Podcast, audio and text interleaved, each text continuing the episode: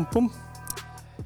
tere tulemast, tere tulemast äh, kuulama järjekordset äh, episoodi Kris Kala podcast'i episoodi või repertuaarist. mina olen Kris äh,. istun täna siin taas kord külalisega ja tervitan sind, äh, kust iganes sa siis seda vaatad, Youtube'ist videona või podcast'ist kuulad helina äh,. mul pole vahet, olen igal juhul tänulik sulle, äh, et sa siin minuga oled või meiega oled äh,.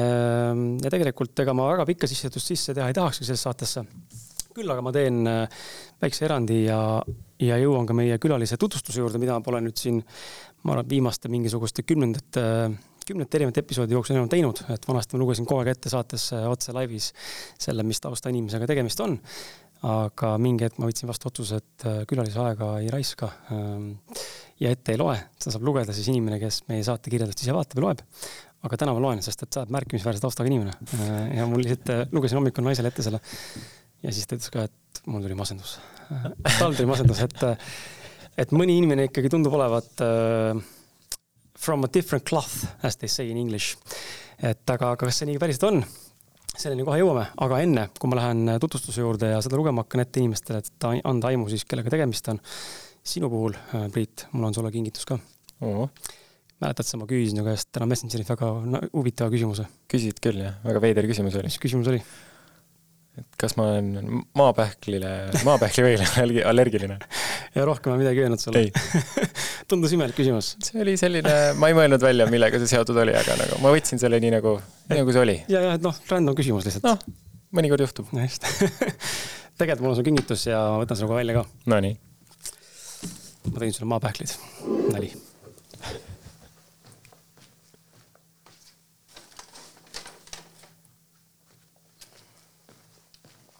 väga põnev. Nonii. tõin sulle, tegin smuutit. fantastiline. see on äh, high protein äh, peanut butter äh, vegan smuuti. suurepärane. mu lemmareid. suur aitäh sulle. ma julgen suuremat teha, ma mõtlesin, äkki sul ei maitse, nii et ma siis riskisin väiksema korra. ja siis ise võtsid ämbri? ise võtsin ämbri, ma pole söönud ka veel. ahah, no. ma õigustan sellega ennast. sellega võib saada, sellest võib kõhu täis küll saada. nii, aga lähme siia saate juurde, sa saad siis vahel mekkida, maitseda, kuidas mm -hmm. maitseb ja, ja kui sulle maitseb, siis kuulajad saavad ka retsepti. aga Priit Ilomets, tänane saatekülaline, on siis äh, tehisintellekti koolitaja, kelle eesmärk on olla sillaks äh, tehisintellekti ja inimmaailma vahel. ta on äh, transformatsiooni teejuht, kes toetab inimesi oma täispotentsiaali avama, kasutades tehisintellekti tööriistu üheskoos oma kehatarkusega koolitamine on tal täiega veres, sellest räägib täpsemalt, kuidas tal siis eelnevad põlvkonnad ja tulevased jüngrid kõik on siis ühtemoodi koolitajad.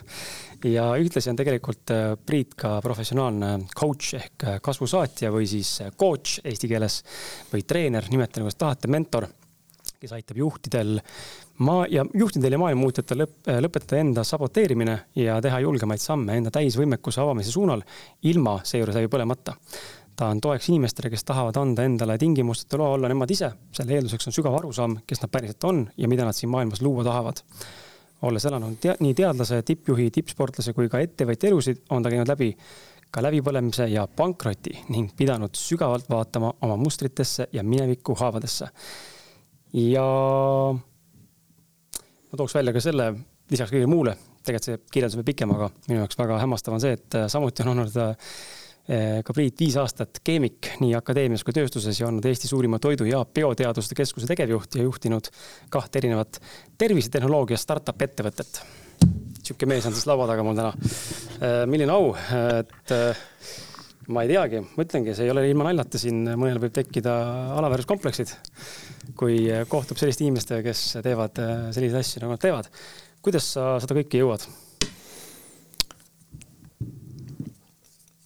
Need on kõik äh, erinevatest äh, eluajajärkudest.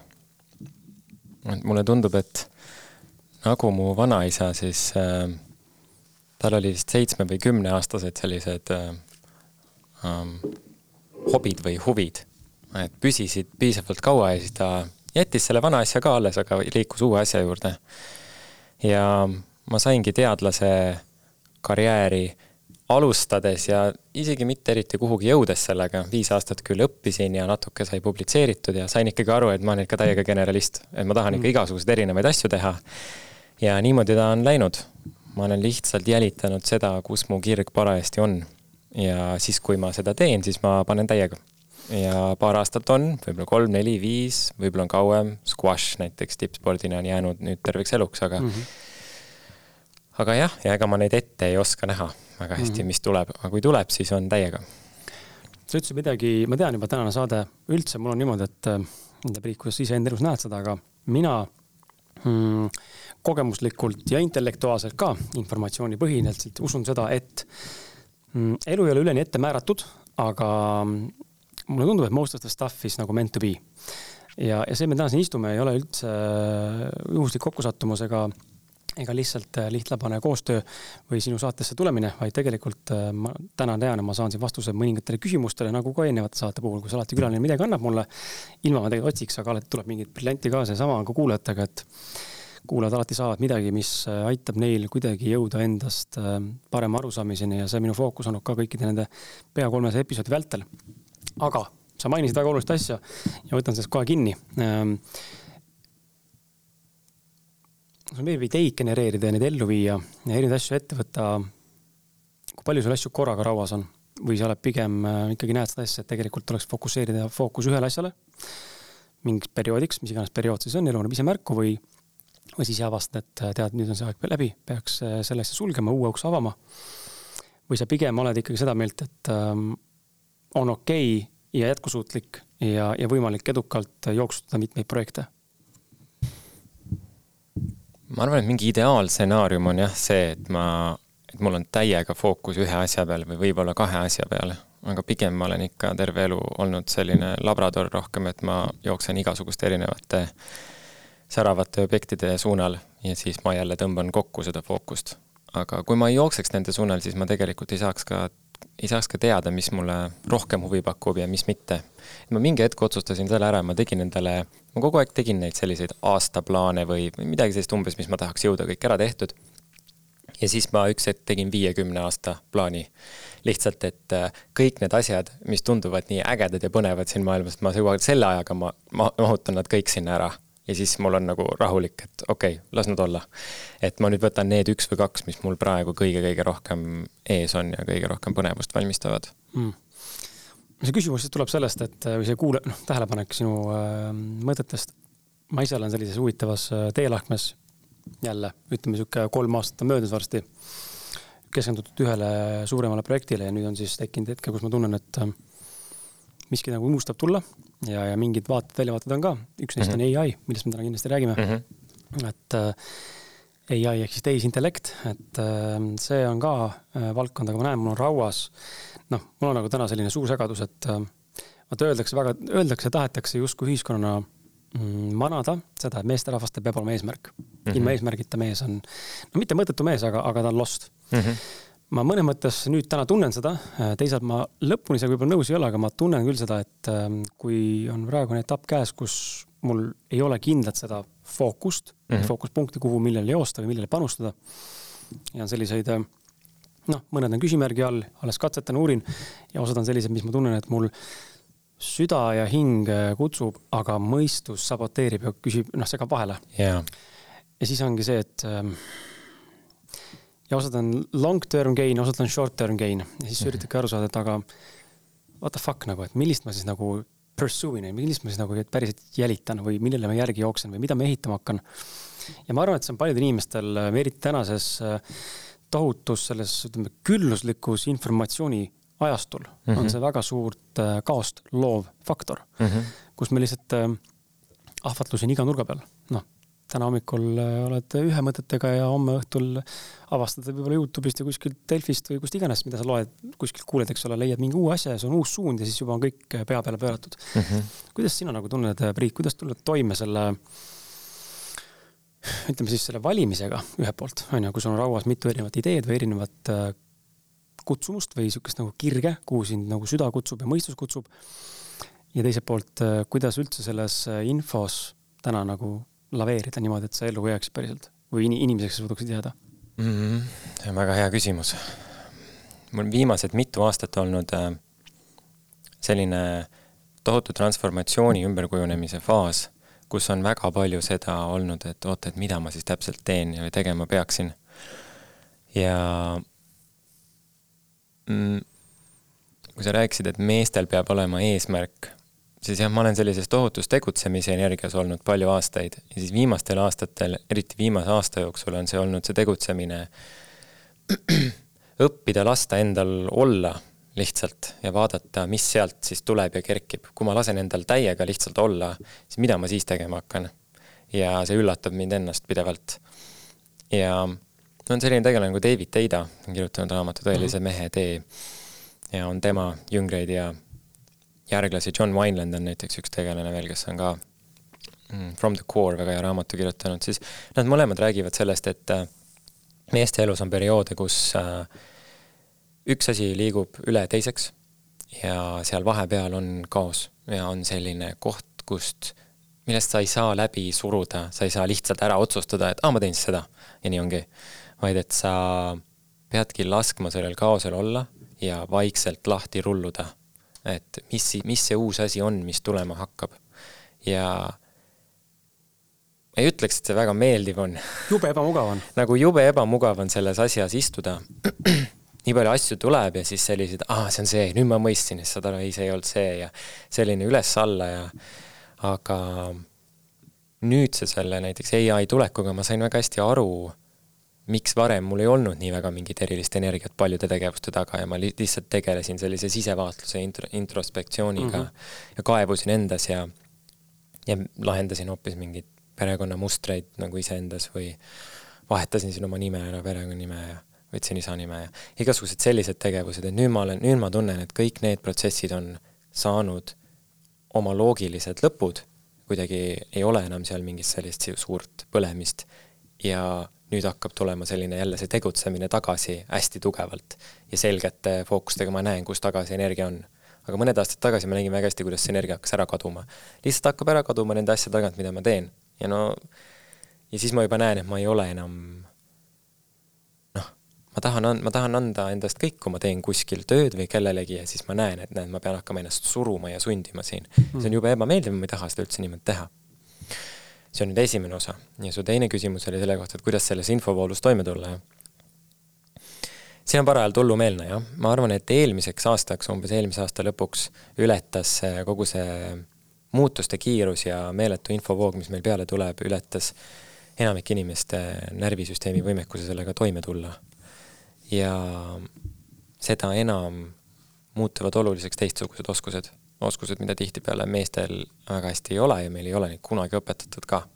nagu näiteks eneseregulatsioon, oma, oma emotsioone reguleerida, saada oma sisetundega kontakti palju paremini, kõikvõimalikud mis iganes hingamised, joogad või, või muud asjad, iseendaga olemine rahus ja saada aru, mis sinust sees toimub, et need teised ajud ka, et, et ei oleks enam ainult intellektipõhist õppimist, vaid oleks ka siis kogu keha kaasatud mm, -hmm. nii emotsioonid kui äh, tähendab ühesõnaga nii emotsioonides süda kui siis ka kõht, kus on sinu identiteet peidus.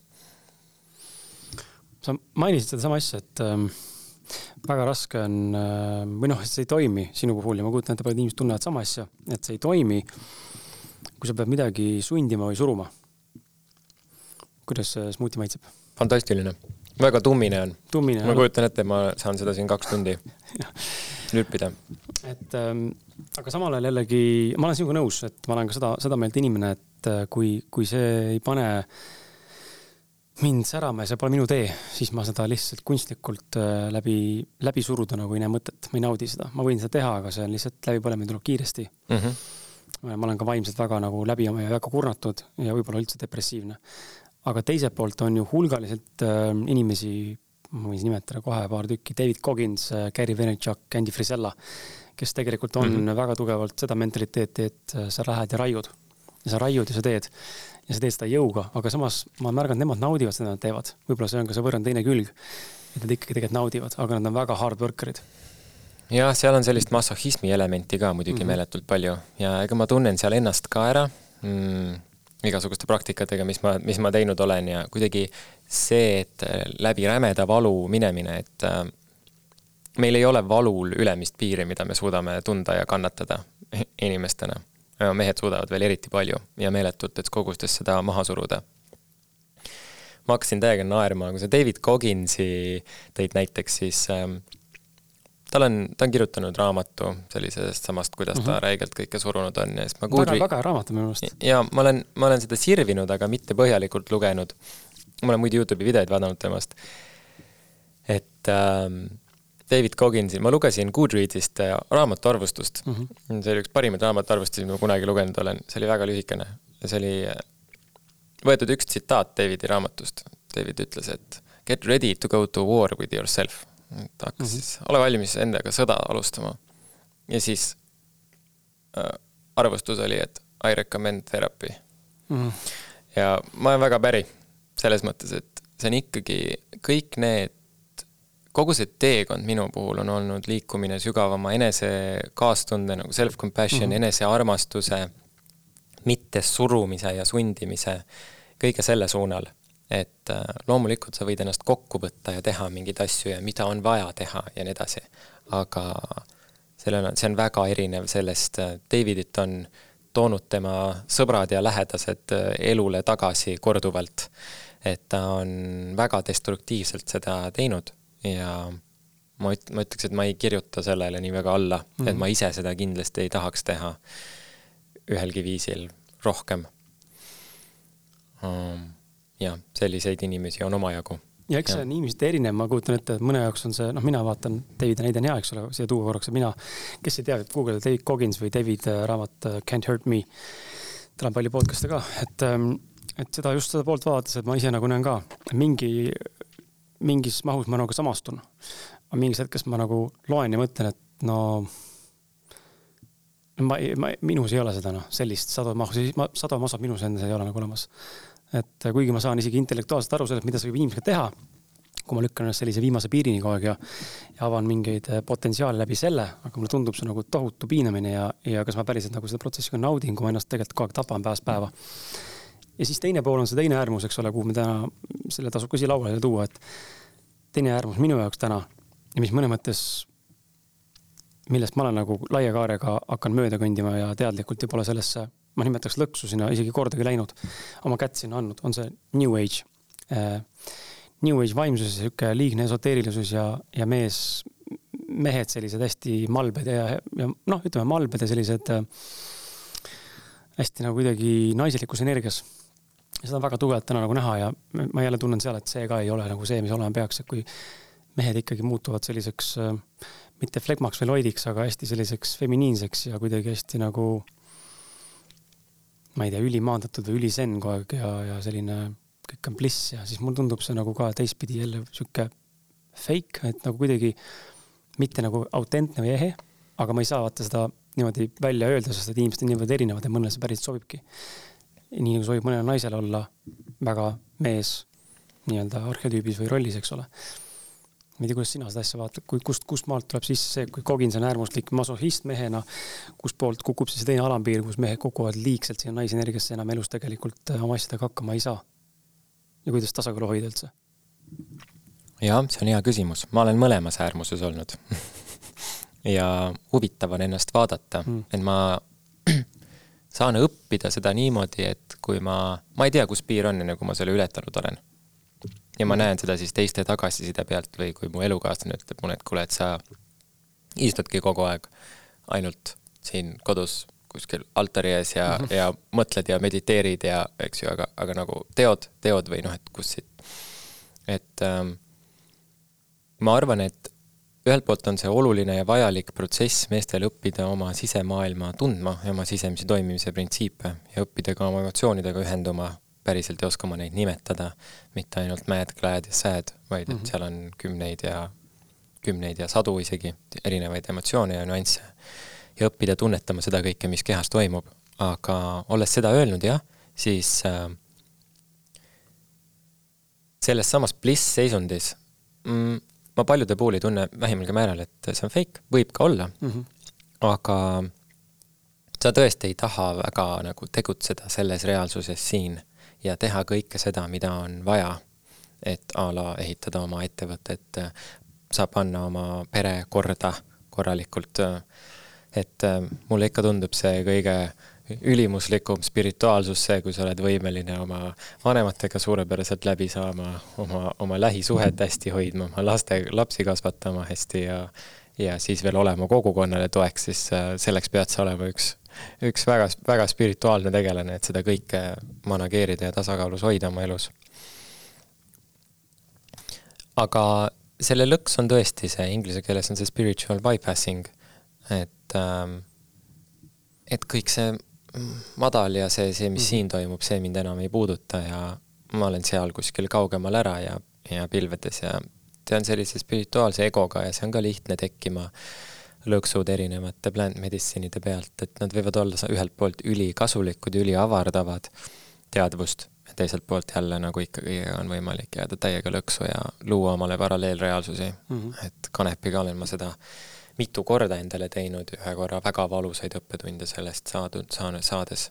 et kus ongi nii, et sa eks ta ole eskapismi vorm, väga mm -hmm. palju erinevaid asju võib olla, sa võid trenni põgeneda sinna piinama ennast või sa võid põgeneda kanepit suitsetama.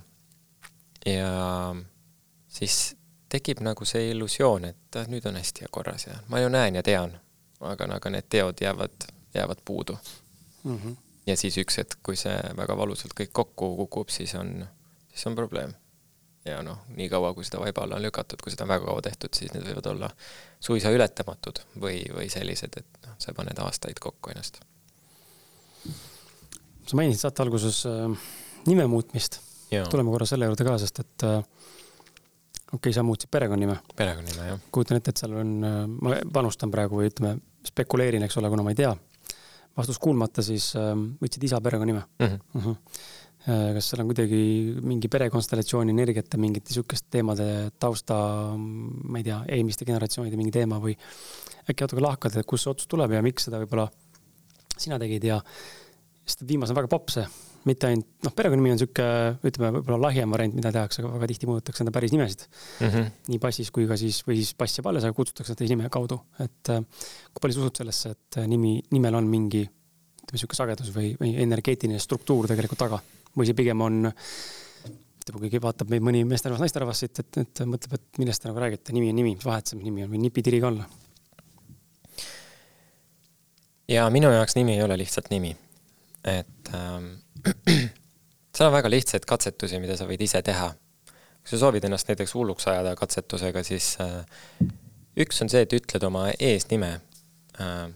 näiteks, et, et minu nimi on Kris, sina ütled ja tunnetad, kuidas see kõlab sinu kehas. kas sul on selline laienemise tunne sees või mitte?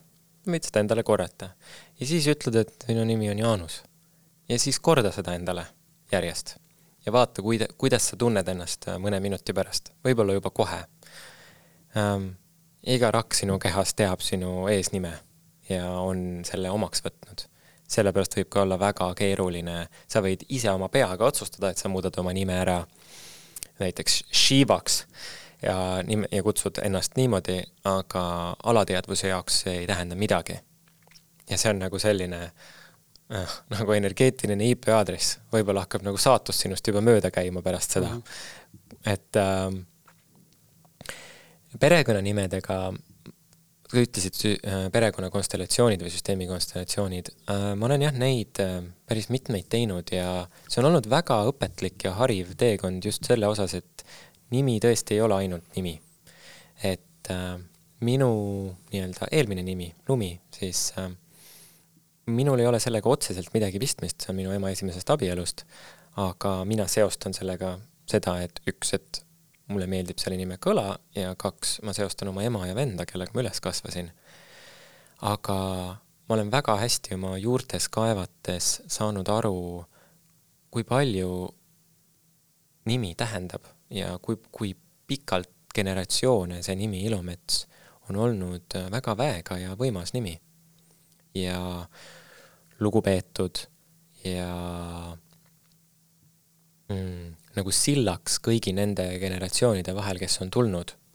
ja nüüd, kui ma saan isaks, ma saan esimest korda nüüd isaks oktoobris, siis meil tuli see vestlus üles elukaaslasega ja selle nurga alt ma polnud kunagi mõelnud, sest laps saab ju isa perekonnanime mm, -hmm. kannab seda edasi, siis ma mõtlesin, et kui tema küsib minu käest, et okei okay,, aga mis see seos kust see lumi nimi tuleb ja mis sul seal kõik on, eks, siis mina olen tavaliselt alati vastanud inimestele, et mul pole sellega midagi seost.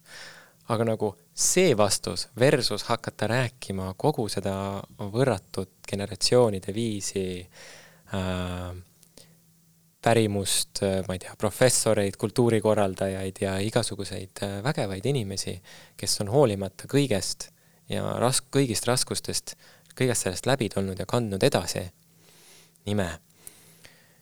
See on väga erinev äh, pärand, millega nii-öelda, mille pealt ellu minna või midagi teha.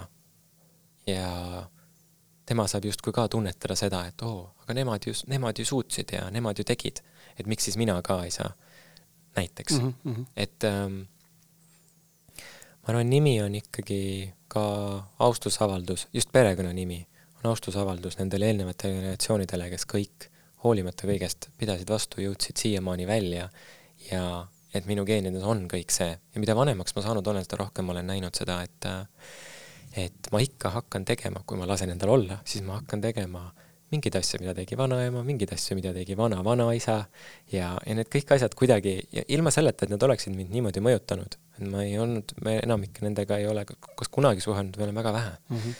ja ikkagi geneetiliselt jookseb ja tõmbab sinnapoole. Et ma arvan, et seal on väga palju ja väga sügavam. ja nüüd samamoodi perekonnakonstellatsiooni, siis korrastades kõiki neid liine, et sättides ennast nii-öelda õigesse kohta, kus sa peaksid olema, siis ma arvan, hakkab ka tuleb ka palju rohkem sellist sisemist jõudu ja tegutsemistahet ja energiat juurde. ja seda huvitav kuulata, inimesed on äh, kõik nii erineva mm, arusaamise ja mm, noh, mõnes mõttes ka uskumuste või, või nagu mitte ainult fikseeritud mõtlemisega, aga just see, et kõik see, mis sa räägid, tundub, noh, sind kuulates tundub nagu, ma saan aru, miks sa selle otsuse tegid. samal ajal samal ajal ma püüdsin nagu aru saada, minu sees hakkas kohe mingi jada pihta, vaata. see on alati niimoodi, kui me kedagi kuulame, vaatame, eks ole, siis me ju kas nõustume või ei nõustu põhimõtteliselt mm -hmm. või oleme neutraalsed. neutraalsust on väga vähe kahjuks, aga see on võimalik saavutada. siis mina kuulasin sind ja, ja see on igasuguse nagu austuse juures, ma ei, absoluutselt ei maha sinu mõtteid, lihtsalt jagan nagu seda, mis minu sees toimus. siis mina mõtlesin, kuulasin sind, onju. siis ma mõtlen, et aga vahet sellel, mis taust sul lõpuks on, mis vahet, kes su vanaisa oli või et äh, mis vahe, mis mu, minu isa tegi või mis minu vanaisa tegi või minu, ma ei tea, kunagine mingis generatsioonis keegi, kes oli raske elu või kerge elu või mina olen täna siin ja praegu, et mina näiteks sellised asjad üldse ei resoneeru sellega. noh, ja see on täiesti okei okay. mm, -hmm. aga ongi, see ongi huvitav, et alati on huvitav kuulata, kuidas inimesed, mis põhjusel mingeid asju nad teevad. ja kui me tegelikult ju teame seda ka, et äh, kui me jätame kõrvale selle, selle potentsiaali, et see, mis sa rääkisid, on tõde, et see tegelikult mõjutab meid, siis võtame ainult äh, eraldi kõrvale selle, et see, millest sa mõtled, see tegelikult sisuliselt ka käivitub või realiseerub. mis tähendab seda, et see, millele sa enda mõtte annad, sellele on ka energia. ja kui sina usud, et see perekonnanime vahetamine toob sulle nüüd kaasa selle, selle, selle, selle, selle mm -hmm. või et sellega on kaasas see, see, see, see või et mul on see perekonstellatsioon või see peresüsteem, mis on olnud selline, selline, selline, selline, siis see ongi sinu jaoks võti, mida kasutada edasiminekuks. samal ajal kui mina vaatan, mõtlen, et noh, ma olen neid perekonstellatsioone ja teraapiaid läbi teinud küll ja küll ja ma näen mingeid seoseid nagu näinud seal, kus noh, mulle siis terapeut loob, eks ole, või ma ise tulen mingisuguse uue mõtte peale läbi nende küsimuste jada ja uue taipamise peale, et aa, äkki nii võis olla, okei okay,, see tundub loogiline olevat. siis by, by the end of the day ma täna ikkagi tunnen, et mul ei ole, mul on, mul on nagu raske lõpuni aktsepteerida äh, või uskuda, et need perekonstellatsioonid või eelnevad generatsioonid suudavad mõjutada mind kui multidimensionaalset olendit täna siin kes tegelikult ei ole pärit planeet Maalt tõenäoliselt. et, et me oleme nagu nii mõjutatud eelnevast generatsioonist, et me tegelikult ei tunnegi. mul on seda väga raske nagu vastu võtta. aga intellektuaalselt ma saan nagu aru sellest. ja see on minu arust hästi kihvt, et äh, see, mida me usume, noh, siis, siis see on see, mis meie elus mängib rolli ja kui ma sellesse ei usu, siis ta minu jaoks on nagu põhimõtteliselt useless tool. või sa pigem või sa pigem arvad, et ei ole, et kui on isegi näiteks noh, toome seda perekonstellatsiooni näide, kui see ongi niisugune asi, et vaatame, et ongi perekonstellatsioon on fakt, eks ole, täna küll seda keegi otseselt öelda ei saa, aga ütleme, ta on nii-öelda fakt, eks ole. me saame midagi mõõta ja mõõdistada. mina ei usu, aga tegelikult taustal ta ikkagi mõjutab mind. aga kui ma usuksin seda, siis ta oleks kandev energia. aga kuna ma ei usu, siis ta praegu takistab mind või, või kuidas see, ma, ma ei tea, kas sa saad mu küsimusest aru, et kui inimene ei usu, kas on alati niimoodi, et kui ma usun, siis usun, siis toetab mind ja kui ma ei usu, siis ta mind ei toeta või teinekord ikkagi on see, et asjad lihtsalt on nii, nagu on, ilma ma usuks või mitte. oskad sa äkki mingeid näiteid tuua enda pealt ka, kui sa mingid teekonnal olnud, kus sul on tekkinud mingid lahkhelid mingisuguse informatsiooni õppimisega või mingi teadmisega või mõne uue taipamisega või arusaamisega, mida presenteeritakse sulle kui fakti või justkui nii-öelda laialt levinud arusaamist, aga sinuga see ei resoneeru, kas sa oled näinud kogemust ka, kas ta mõjutab või mitte? kui sa usud või ei usu seda asja? muidugi mõjutab jah mm..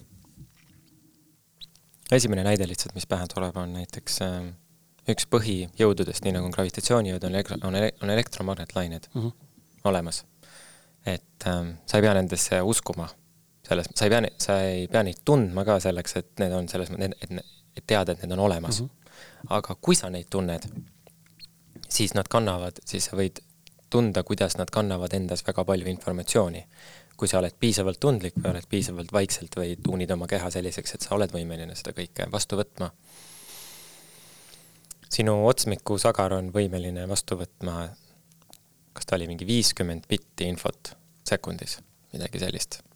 ja sinu ülejäänud, sinu kogu keha on valm-, on võimeline vastu võtma umbes kümme miljonit väga-väga-väga palju läheb tõlkes kaduma justkui ja väga-väga-väga palju filtreeritakse välja um, kui me noh, meie jaoks see waking reality või see reaalsus, mida me siin näeme, on väga-väga suure hulga filtrite tulemus, et me mhm. saaksime niimoodi toimida ja adekvaatselt oleksime, sest kui see kõik see muu oleks ka, siis me tõenäoliselt läheks hulluks. -hmm. noh, me ei saa niimoodi toimida. et mingid asjad, ma arvan, et esimest korda, kui ma neid samu pere, neid lihtsalt konstellatsioone tegin, ma ei, see ei olnud isegi minu töö, see konstellatsioonid oli siis, kellegi töö oli seal, kes siis lihtsalt taustaks kuulajatele, et paneb justkui välja teised inimesed, ütleb, et kas sina oleksid minu ema, kas sina oleksid mm -hmm. mu mhm. vanaema ja nii edasi, paneb kõik sinna väljale ja kirjeldab mingeid olukordi ja siis lihtsalt vaatab, mida need inimesed tegema hakkavad. ja ma vaatasin seda väga skeptiliselt, et kuulge, et, et kas see mingi, kas te näitlete mingit asja, kas ma pean meelde jätma, mis siin, kes mm -hmm. ma mhm. nüüd olen või et ma otsustasin, et ei, ma ei, mind ei huvita, et ma lihtsalt ei kuula väga, aga ma lihtsalt vaatan, mida ma tunnen. Ja ma tundsin ülipalju ja ma olin väga šokeeritud sellest, et miks ma nii palju erinevaid asju tunnen, miks ma äkitselt kellegi suhtes seal väl-, seal nii-öelda seal nendest inimestest, kes seal olid välja peal, kellegi suhtes tunnen lihtsalt tohutut viha. ma olin nagu, et oot, mis siin toimub mm. -hmm. ja need kogemused läksid üha sügavamaks, olid väga eritahulised ja sellised, et ma ei pidanud sellesse midagi väga uskuma, kuivõrd see, et ma ei saanud eitada oma kogemust sellest, et siin toimub midagi väga ja ma, ja ma, ma teadsin, et ma olin ammu juba järje kaotanud, mis lugu seal taustal käis, aga ma sain kogu aeg kirjeldada seda, et mis minus parajasti toimub mm. -hmm. nagu, et okei okay,, et ma tunnen siin, mul käivad mingid külmavärinad üle ja nii edasi, edasi. et äh, päris palju asju, ma arvan, on sellised, kus sa ei pea selleks midagi uskuma, et lihtsalt, et see asi lihtsalt toimib äh,. aga väga palju asju, nii-öelda usujõud on üüratu kindlasti. ja kui see sinus resoneerub, mis iganes asi see on ja sul on selline laienemise tunne, siis nagu liigu sellega edasi ja lõppude lõpuks midagi oli hea taipamine, tarokaartidega oli minu meelest samamoodi asi, ma olin väga skeptiline selliste asjade suhtes ja oli ka suhteliselt keeruline aeg elus, olin mingi sõbranna juures, kes siis üks hetk neid seal ladus ja andis mulle mingi asja ja ma lugesin seda ja ma leidsin sealt kaks äh, väga huvitavat perspektiivi sellele probleemile, mis minu peas oli mm. -hmm. ja siis ma üks hetk taipasin, et oota, aga mis vahet seal on, kas need nagu, kas inglid saatsid mulle need sõnumid või mis asi see, aga ma sain siit kaks jumala head perspektiivi, ma sain mingid uued vaatenurgad ja ma sain praegu edasi, eks. ja siis ma olin, ahah, okei okay,, väga lahe, et niimoodi ma võin küll neid kasutada, noh, sellise nii-öelda täisratsionaalselt mõeldes, et ma arvan, kui see toimib, siis see toimib. Ja kui sul on kehaline kogemus, on üks versus intellektuaalne arusaamine, noh, kas sa kehastad midagi ja tead seda nii-öelda kas kogu, iga oma keharakuga või sa oled selle läbi kogenud, see on täiesti, täiesti erinev sellest, kas sa lihtsalt lugesid millegi mhm, kohta mm -hmm. ja mhm. siis ähm, targutad seda teistele edasi. okei okay.. ei, ma olen sinuga nõus ja, ja ma olen nõus. ma tegelikult mm, -hmm. ma olen nõus, et see kehaline kogemus on äh, see, mis mõnes mõttes äh, kinnitab mm, ja mõistusel on. tahame või mitte, äh, on väga suur äh, jõud kahjuks või õnneks, äh, nii head kui ka ütleme siis sildis, ilma sildistamata nii head kui halba teha.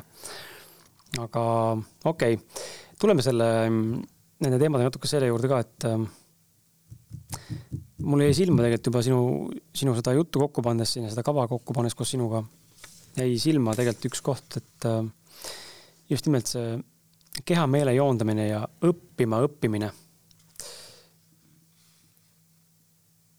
ma tahaks natuke seletada lahti seda, et äh, kui kuulaja kuulab meid praegu ja, ja kuuleb seda fraasi õppima, õppimine, siis et uh, learn to learn jah, on inglise keeles. Learning nagu, to learn jah. jah, kõlab nagu paremini kui eesti keeles võib-olla, et uh, mida need sinu jaoks nagu tähendavad ja, ja kuidas, kuidas see nagu päriselt siis praktikas välja näeb mm? -hmm.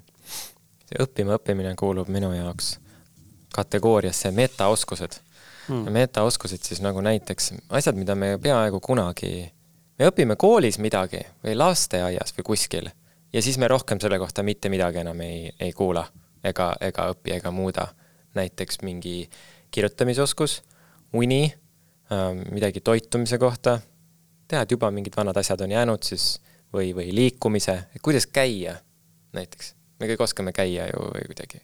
Aga, aga ei, seal on väga palju, seal on väga palju, mida on võimalik muuta, parandada. ja õppima õppimine on lihtsalt see, et kuna, kuna muutuse kiirus on niivõrd kiire praegu, siis äh, kuidas meil on võimalik Äh, kogu oma keha rakendades hakata infot vastu võtma ja sünteesima niimoodi, et me integreerime selle endasse ära ja hakkame nii-öelda päriselt tead sa midagi ja on meisterlikkus siis, kui sa kehastad seda. lihtsalt, siin on nagu teine loomus juba. alguses võib-olla sa pead hakkama väga kuidagi tehniliselt neid asju lihtsalt läbi tegema ja vaatama, kuidas tunne on, aga, aga kuidas sa kiirendad seda protsessi niimoodi, et sa, see jõuab sinu kehasse ja ruttu see, mis iganes see tarkus on. sellepärast, et äh, kõik justkui on praegu kättesaadav ju, kõik info on, me infot on, kui veel, kui veel enne oli infot ülipalju, siis nüüd tehisintellektiga koos on selle mhm. põhimõtteliselt piiritus külluses genereeritud igal hetkel, igal sekundil lihtsalt kiirenev eksponent kogu aeg areneb, areneb, areneb. ehk siis me peame leidma uued meetodid, uued viisid, kuidas õppida. ja, ja selleks ka näiteks tehisintellekt, digitaalne teisik sulle, digitaalne kaksik, kellega mõtteid vahetada ja põrgatada, et kui sa saad ülipalju asju küsida ja arutleda, aga samal ajal sa rakendad, sa saa-, saad kuulata oma keha, oma keha tarkust ja vastuseid oma kehalt, et kas siin on laienemise tunne, kus ma seda asja tunnen, millega see seondub, mul on mingi emotsioon, ma oskan seda emotsiooni nimetada ka ja siis ma oskan selle info vastu võtta, mis selle emotsiooniga seotult on, ja lasta sellel emotsioonil minna. See jutt oleks mulle, see mu enda jutt oleks mulle mingi kuus aastat tagasi täiesti müstilisena kõlanud, mida, mis asja see kõik tähendab üldse mm. -hmm. et see nagu see, lased seda emotsiooni endast läbi või mis emotsiooni või ma, et see teadlikkus hakkab kasvama aja jooksul, kui sa lihtsalt tuled rohkem oma kehasse, tuled peast ära, tuled oma kehasse. justkui mõelda sellest niimoodi, et alateadvus, ma kunagi mõtlesin sellest, et alateadvus on midagi sellist, mis on nagu tead siin nagu pea taga uh, -huh. tead nagu aju otsmikusagara taga, et seal on see ala kuskil all, on ju. alateadvus on meie keha, kogu meie keha. kõik asjad on talletunud sinu kehas. kõik need asjad, sinu läbielamised, mingisugused traumad suure ja väikese tähega, äh, löögid ja, löögid ja kõik muu, nad on kuskil ja mingites kohtades neid on kinni, hoiab su keha neid kinni külmutatuna ja see võtab energiat. saad sa selle läbi töötada endas, siis see energia jääb sulle nagu kättesaadavaks mida rohkem sa oled oma kehaga ühenduses, seda rohkem sul on energiat, bioenergiat, et su aju kõrgemad funktsioonid saaksid toimida. ja kujutan ette ka seda, ütleme, ressurssi siis lihtsalt selleks ka, et füüsiliselt üldse tegutseda, midagi teha. muidugi, muidugi ja seda sa saad jällegi, sa saad seda ka tegutsedes jällegi trenni tehes saad sa energiat juurde, eks. mitte võib, ei kaota energiat. kas võib siin sega, segan korra vahele, kas võib siin oletada siis jälle spekuleerime sinuga, et kui kehas on äh, teatud äh, ütleme, seisundid külmutatud ja keha jääb, alateadvus jääb kinni milleski, mida tegelikult tuleks äh, osata vabastada ja lahti saada, et vabaneks ressurss, mille arvelt siis midagi muud oma elu luua mm. -hmm. kas inimesed, kes on, ütleme, meil on ju inimesi, kes on tegutsejad, kes on väga nagu sina, me vaatame sinu seda sissejuhatust siin alguses, siis on nagu ilmselgelt näha, et sa oled siin noh, pigem on sulle antud seda tuhinat, et teha mina täna olen kolmkümmend kaks, kohe järgmine kuu saamas, vaatan, mis sa siin saavutanud oled võrreldes enda eluga. no ma olen võib-olla kuskil nelikümmend viis protsenti sinust maas. aga ma tegutsen väga palju samamoodi, minus on kantud väga palju seda, aga ja siis on inimesi, kes noh, neil lihtsalt nagu täis flegmad. ma ei tea, mu elukaaslane üks näide, üldse mitte halvaga. ja mul on veel sõpru, selliseid inimesi ja suvalisi inimesi näiteid, kes on sellised, kes tegutsevadki väga vaikselt, äh, saavutavad pigem vähe, võtavad väga vähe suuri asju ette, jõuavad võib-olla, võib-olla ei jõua nii kaugele elus, kui ma ei tea, võrreldes kellegagi, eks ole, onju. Mhm. kas sa arvad, kas siis nende inimeste puhul, kellel selline drive on nagu madal, et elus asju saavutada või korda viia eesmärke või ära täita eesmärke, kas siis nendel on kehatasandil rohkem blokeeringuid ees või, või see päris nii üks-ühele seos mm -hmm. ei ole? ei, absoluutselt ei pea niimoodi olema. Üks on eesmärgile orienteeritud või tegutsemine, see on põhimõtteliselt, põhimõtteliselt meesenergia. meis mõlemas on meesenergiat ja naisenergiat. naisenergia on sellises olemises ja ole, olemisest tulev mhm. looming ja sa võid ka esiteks alustame sellest, et teistega võrdlemine on suhteliselt mõttetu mm -hmm. tegevus, et sa võiksid võrrelda iseennast omaenda versiooniga, eilse, eilse mm -hmm. versiooniga, sellepärast et mitte kellelgi ei ole sinu kogemusi, sinu takistusi, sinu võimalusi, sinu tugevusi ja nii edasi, ainult sinul on. ehk siis see, kui kaugele keegi on jõudnud, võiks rohkem vaadata mitte mingisuguste redelite ja hierarhiatena, vaid võiks vaadata seda teadvuse laienemist kui selliseid ringe, mis on suures pimeduses ja kui sina oled üks ring, siis mina olen kuskil teine ring ja need on laienevad ringid. nüüd see, kui suur see ring on, neid omavahel võrrelda pole mõtet, aga kõik need siin laienevad ja va-, valgustuvad. igasugune valgu-, igasugune uue asja õppimine ja teadasaamine on valgustumine. nii. kus ma jäin nüüd mm.?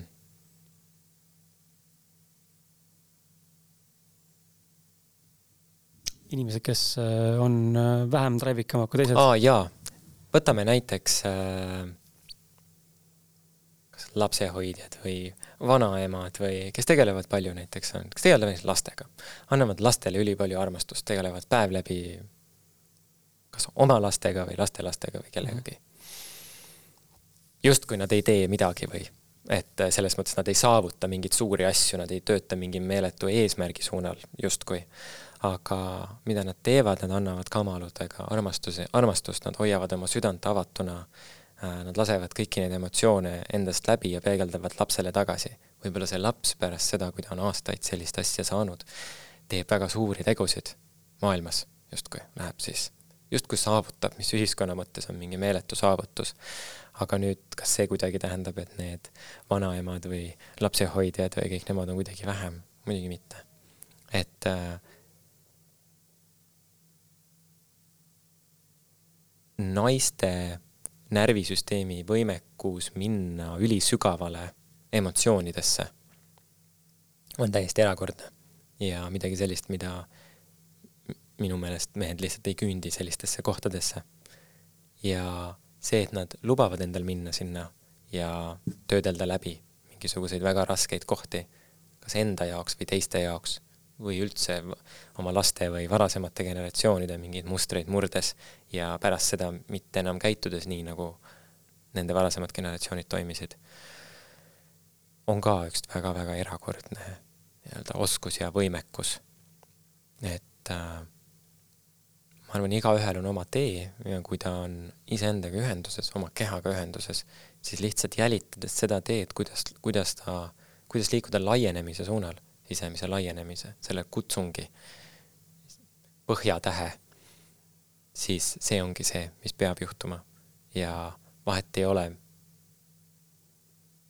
kas see, mis juhtub, on, kas sa annad sellele negatiivse või positiivse hinnangu, et asjad ei läinud nii, nagu nad pidid minema või nüüd läks pekki või midagi. aga kui sa järgisid seda oma sisemist kutsungit ja asi juhtus nii, siis see pidigi nii juhtuma mm. -hmm. ma usun täiega sellesse jah, sest et äh, väga tihti, ma arvan, me kõik äh, oleme oma elus näinud äh, neid situatsioone, kus üks, ütleme sildistatuna negatiivne või halb sündmus on lävepakk või sild millegi uue jaoks, eks ole mm. -hmm.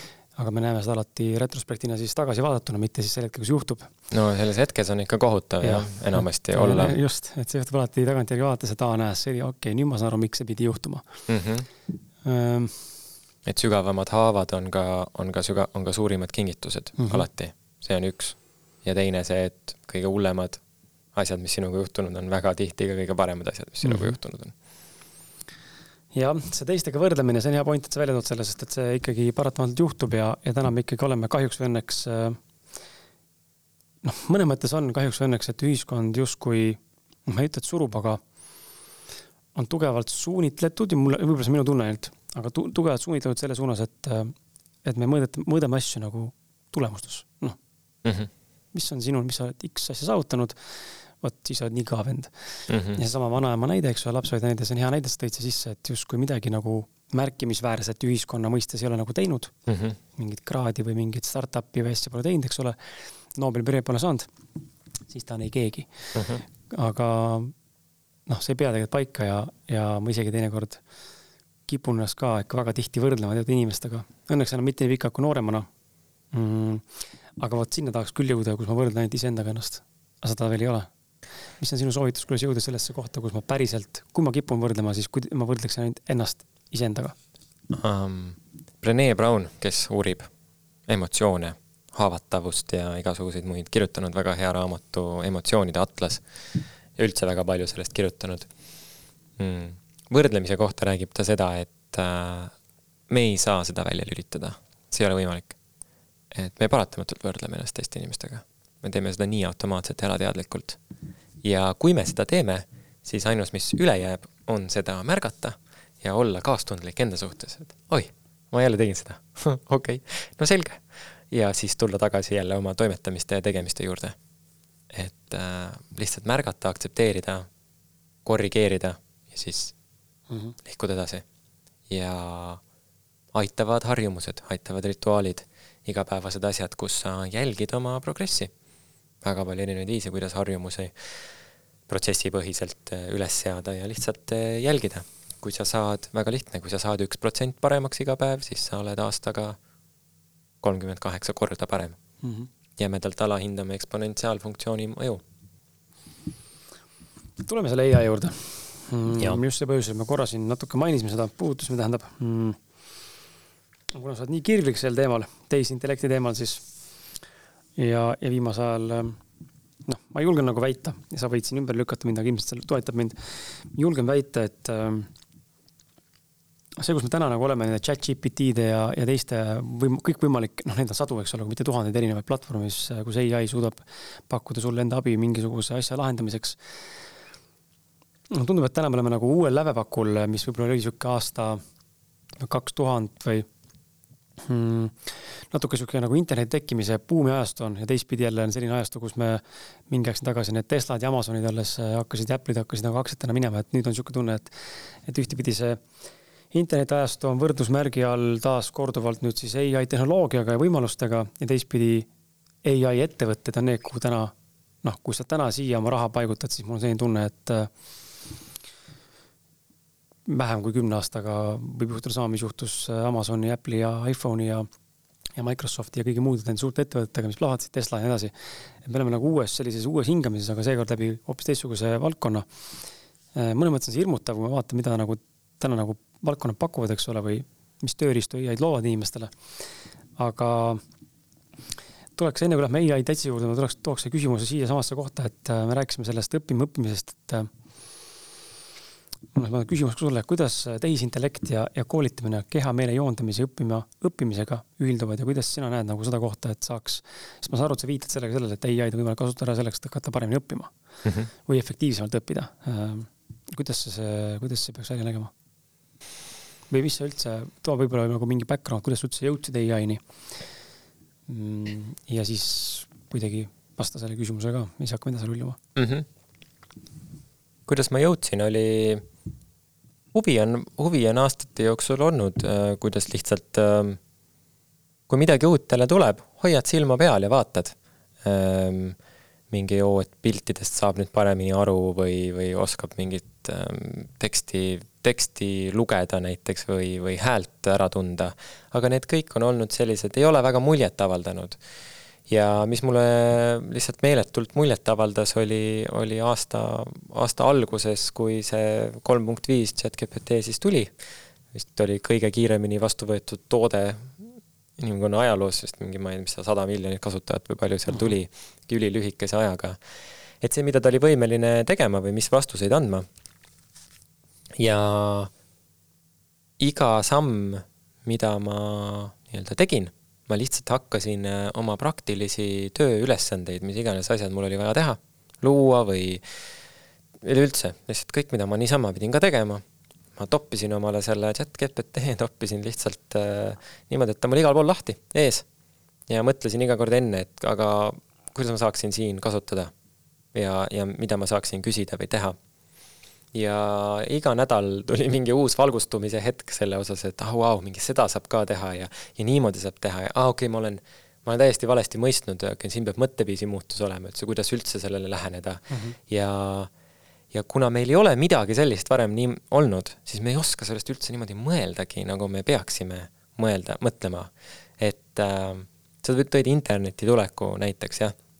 ma arvan, et see on veel suurem, aga interneti tulekuga räägiti samamoodi, et siis, kui ta tuli, et aa, me saame, me saame samu asju teha, mis me varem saime, aga nüüd nagu veits paremini ja kiiremini uh. -uh. see lihtsalt ei ole nii, see on, see, see transformatsioon, mis on sellisel skaalal, mida me otseselt keegi ei hooma, kui palju ta nii-öelda igapäevaelu ja, ja tööelu muudab. aga isegi kui me tõmbaksime praegu joone vahele ja rohkem ei arene, areneks siin mitte midagi, siis kõik need tööriistad, mis juba praegu olemas on, on, on, on ülimalt seda väärt, et põhimõtteliselt viia nii oma professionaalne elu ja karjäär kui ka oma igapäevased toimetamised täiesti uuele tasemele. nii efektiivsuse mõttes kui ka selle, et sul on nagu väsimatu, entusiastlik äh, mõtlemispartner olemas mm, -hmm. kogu aeg kaasas.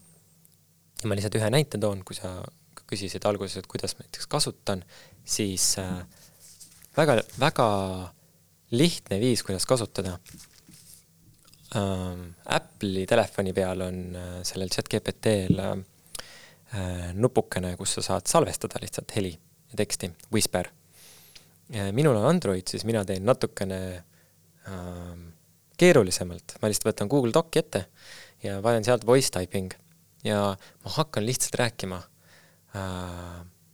mis mul, mis see probleem on? ma ei, ma ei mõtle mingisugust äh, hullu äh, seda prompti välja. käsklust. käsklust et mhm. mis siis nüüd, et noh, kuidas ma nüüd kõige täpsemini saaksin seda praegu küsida ja, ja siis ma jään juba jänni ja juba mul läheb juba motivatsioon ära, et mina ei tea, noh. et ma hakkan lihtsalt rääkima ja ma räägin pulkadeks selle, mis siis nagu on. ja see on segane jutt, poole ajast ma ei ekslen seal ringi, see ei ole vähimalgi määral talle takistuseks, ma võin võtta selle jutu ja copy paste ida ta, talle ja öelda, et aga tee see, ole, ole nüüd toimetaja ja tee see korralikuks tekstiks mm, -hmm. aga ma ei pea isegi seda tegema, ma võin selle lihtsalt otse sööta ja vaadata, mida ta mulle sealt vastu annab. ja kui ta annab mulle midagi vastu, mis alati juhtub, väga huvitava ja kasuliku nii-öelda täpsustuse, selgituse, edasiarenduse, siis sealt läheb jutt käima. ja see kuld hakkab tulema mitte esimesest nii-öelda katsetusest, et küsimus-vastus, vaid viiendast, kuuendast mm -hmm., võib-olla midagi sellist, võib-olla kolmandast, neljandast juba. aga sa lähed üha sügavamale kogu aeg, see on samamoodi, nagu meie vestleme. nagu sa lihtsalt peegeldad tagasi, oota, ma kuulsin siin seda ja toda, eks ju, ainult et ta on alati olemas, vastab koheselt, teab ülimalt palju ta vahepeal võib muidugi entusiastlikult täielikku jama ajada, aga kui sa räägid asjast, mis on sinu, milles sina oled väga hea juba ja mis on sinu nii-öelda kõige kaugem mõtlemine selle asja juures, nii-öelda kõige rohkem advanced, siis sa saad sealt kohe edasi minna ja see on üliäge viis, kuidas seda kasutada.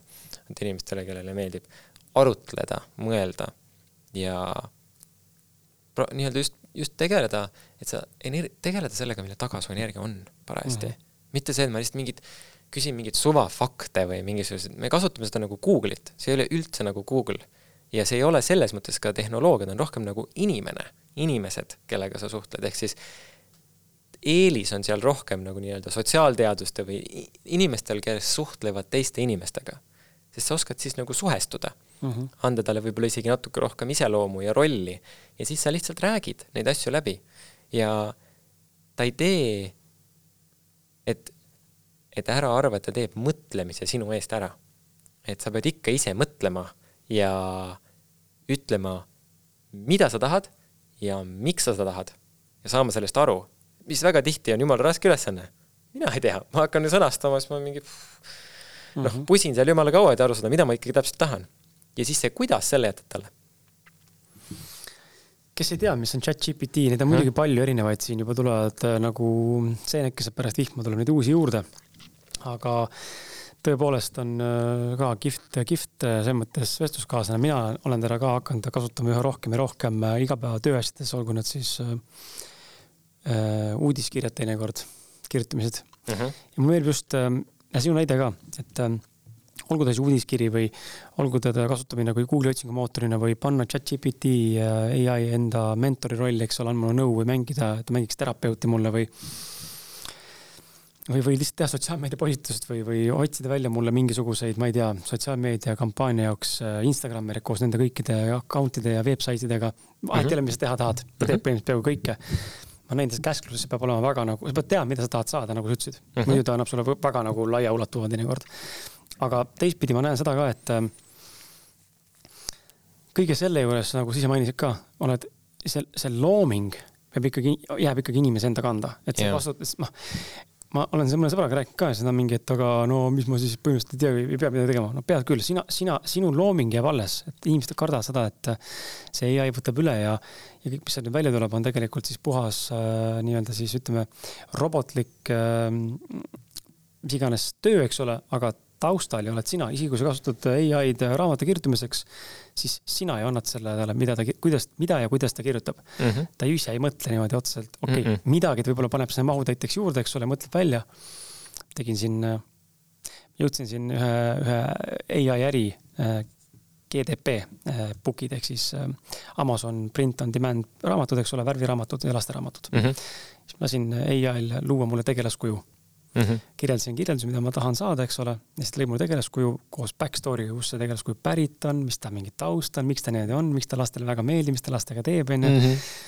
siis sa vaatad, mõtled holy shit, et see on selles mõttes nagu hirmutav, et ta, ta, ta annab selles mõttes nii palju nagu selles mõttes konteksti, millele ma ise ei oleks osanud võib-olla ealeski selles mõttes mõelda mm -hmm. nii detailselt mm. -hmm. et selles mõttes ma nagu näen täna väga suure nagu loomingut toetava tööriistana ikka mul teinekord jääbki puudu sõnadest, sa tõid hea näite ka, onju, et paned oma selle voice itele teele sinna, tõmba kokku, tee nagu lühemaks. aga teistpidi, kui sa kirjutad mingisuguse lõigu, eks ole, lahti talle sinna, et ma ei tea, mm, mulle meeldib teha seda, toda, viiendat ja annad talle käskluse, et aga kirjuta see laiemaks, kolme tuhande sõnaga siis teeb seda nii fantastiliselt, onju, või mm -hmm. tuleb mingi keeruline tekst, et aga tee see thumb-proof, tee see täieliku debiilikul loetavaks mm. -hmm. ta muudab kohe sõnastust, teeb selle hoopis teistsuguseks. ja, või ütle, et noh, kolmeaastasele või nagu, viie, viienda klassi õpilasele. see on nii hämmastav lihtsalt tegelikult, mis sa saad nagu teha, sest ise seda kõike teha oleks no nii time consuming lihtsalt.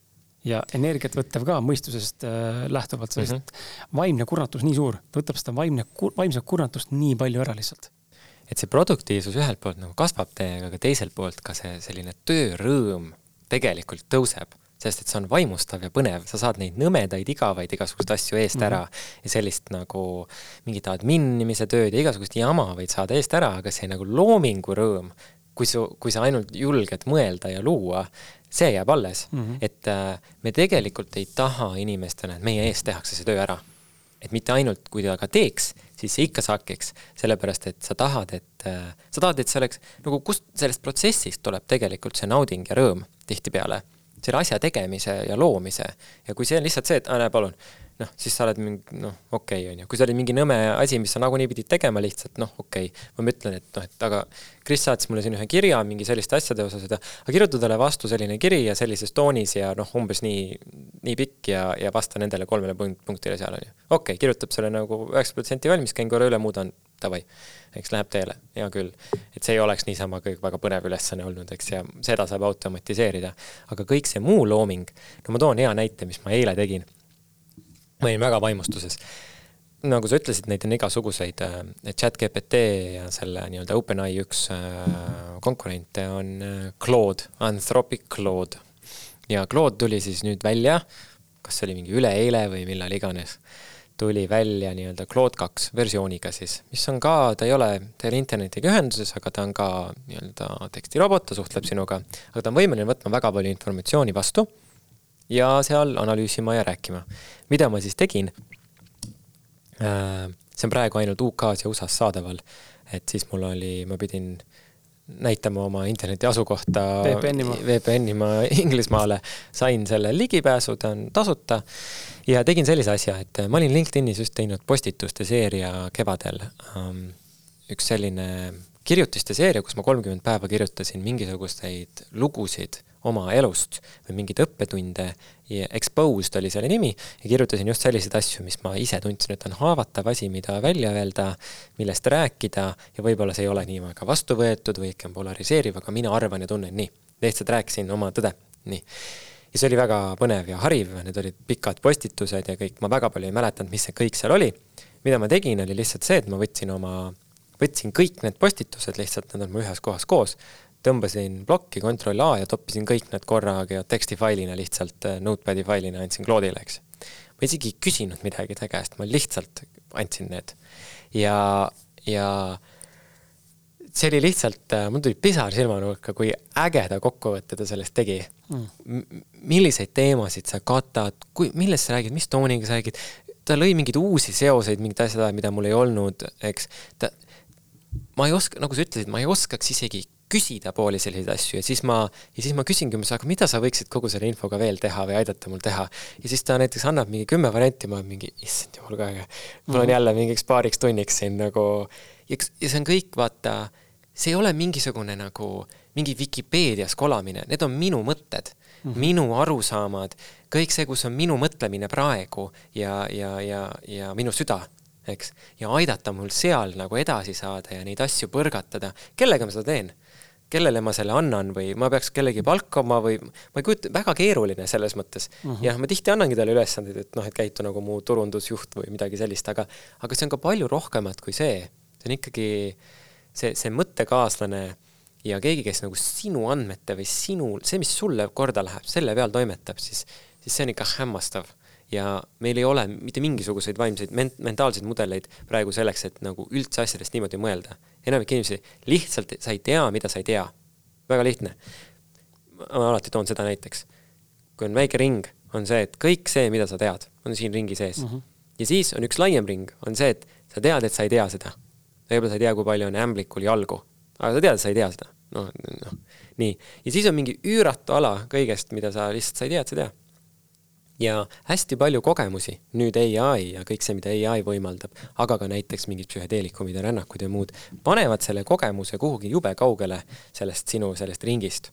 ja sa oled mingi, et oota, mis asi see nüüd oli mm, -hmm. kuidas, mis asja.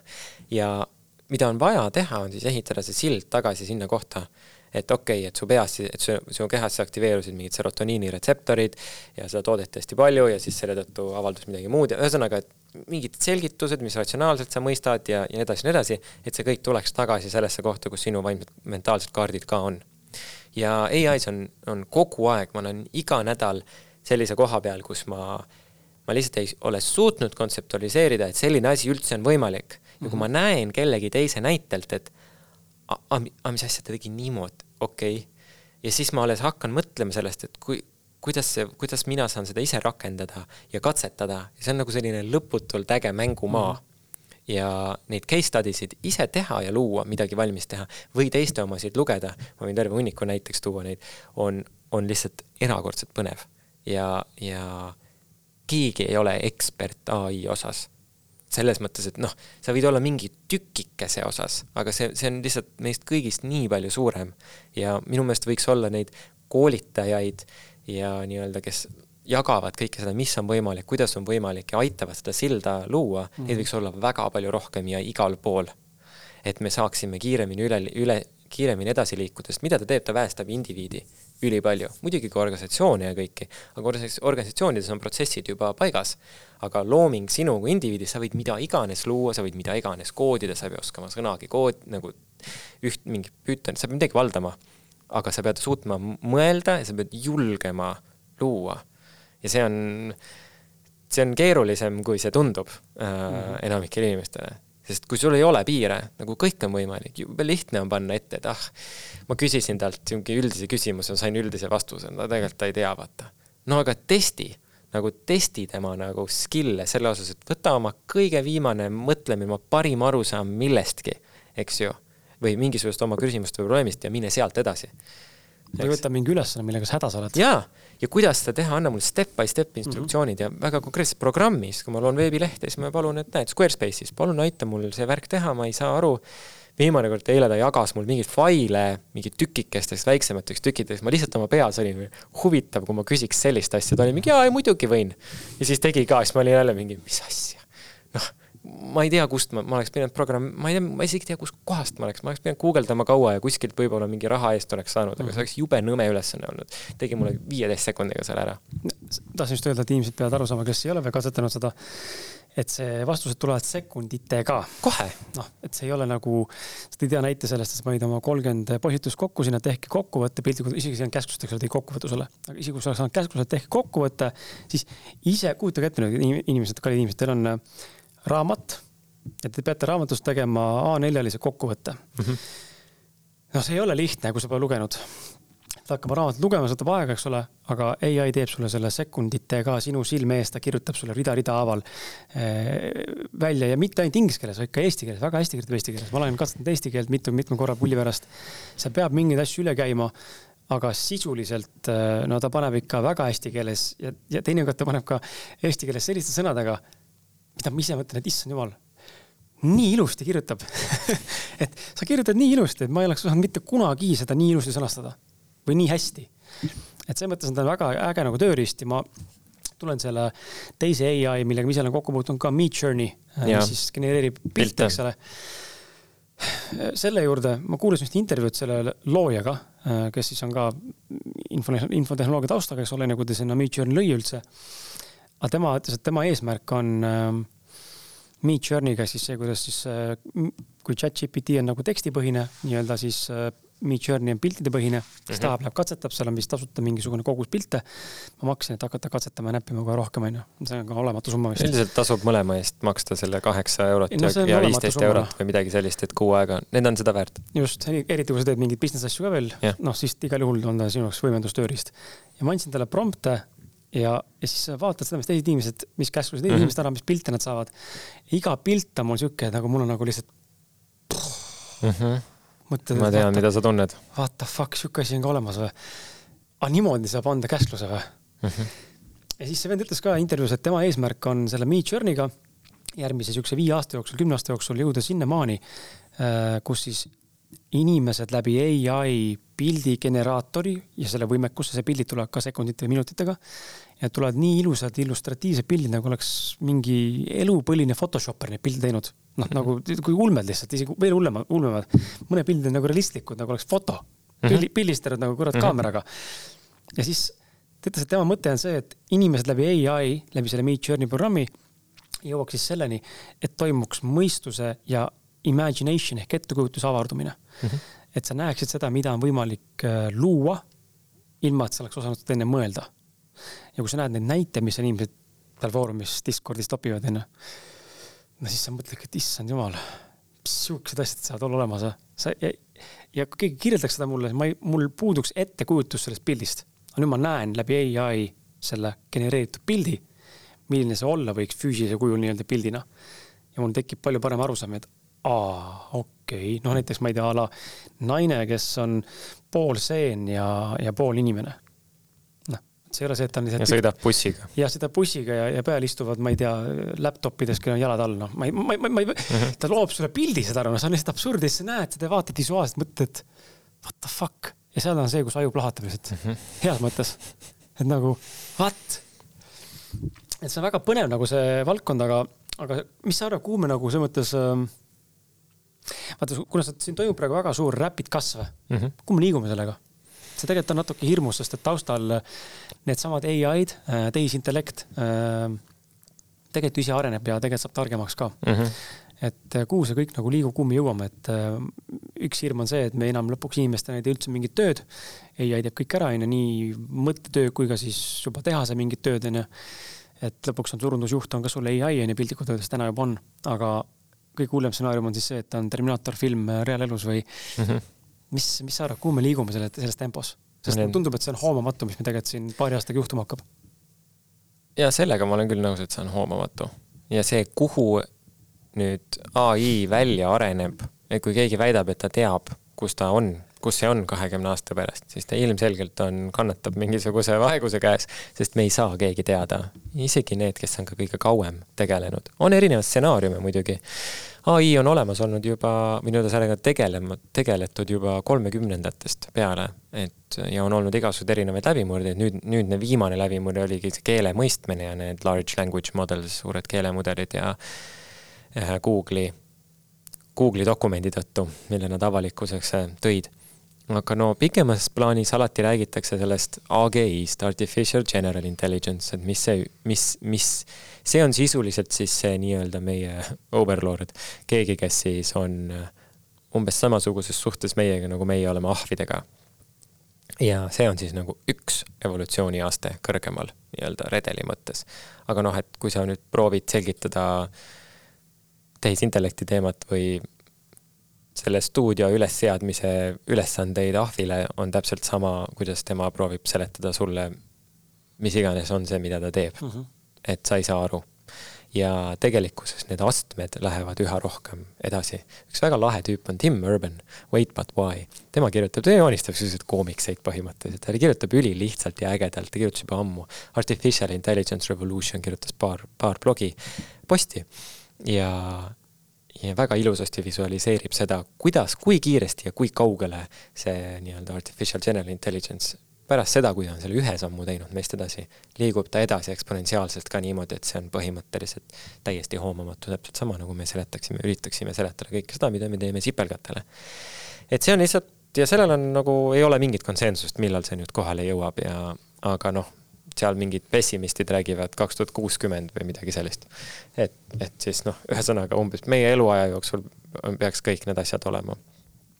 ja väga banaalsed stsenaariumid on sealjuures, et äh, ei ole tihti see, et ta on kuidagi kuri või halb, vaid rohkem see, et äh, kui keegi annab sellele üld üldtehisintellektile annab ülesande luua võimalikult efektiivselt võimalikult palju salvrätte, siis ta lihtsalt nende salvrättide tegemise käigus äh, leiab, et inimestest saab kaasa teha, need on väga head energiaallikad näiteks ja üleüldse need ei ole siinkohas vajalikud ja siis ta koloniseerib veel lähiplaneedid ka ära ja teeb ka sinna igale poole salvrätitehased ja üldse täidab oma ülesande fantastiliselt ja väga optimaalselt ära ja siis me jääme lihtsalt hammasrataste vahele. et midagi sellist rohkem, et mis printsiipide alusel, see ei ole rohkem hea või halb, vaid ta on selline banaalne nagu extinction event, väljasuremine. aga kui nüüd lühemas plaanis rääkida, siis äh, lähiaastatel, mida me saame, mulle tundub, et kaovad ära igasugused need, et me teeme tööd ja toimetame kõikvõimalikes erinevates kohtades, vaid seda sa saad nagu sellises ühes äh, kas ta, ta ei pea olema nagu virtuaalreaalsus, aga ühes aknas ka oma arvutis või kuskil.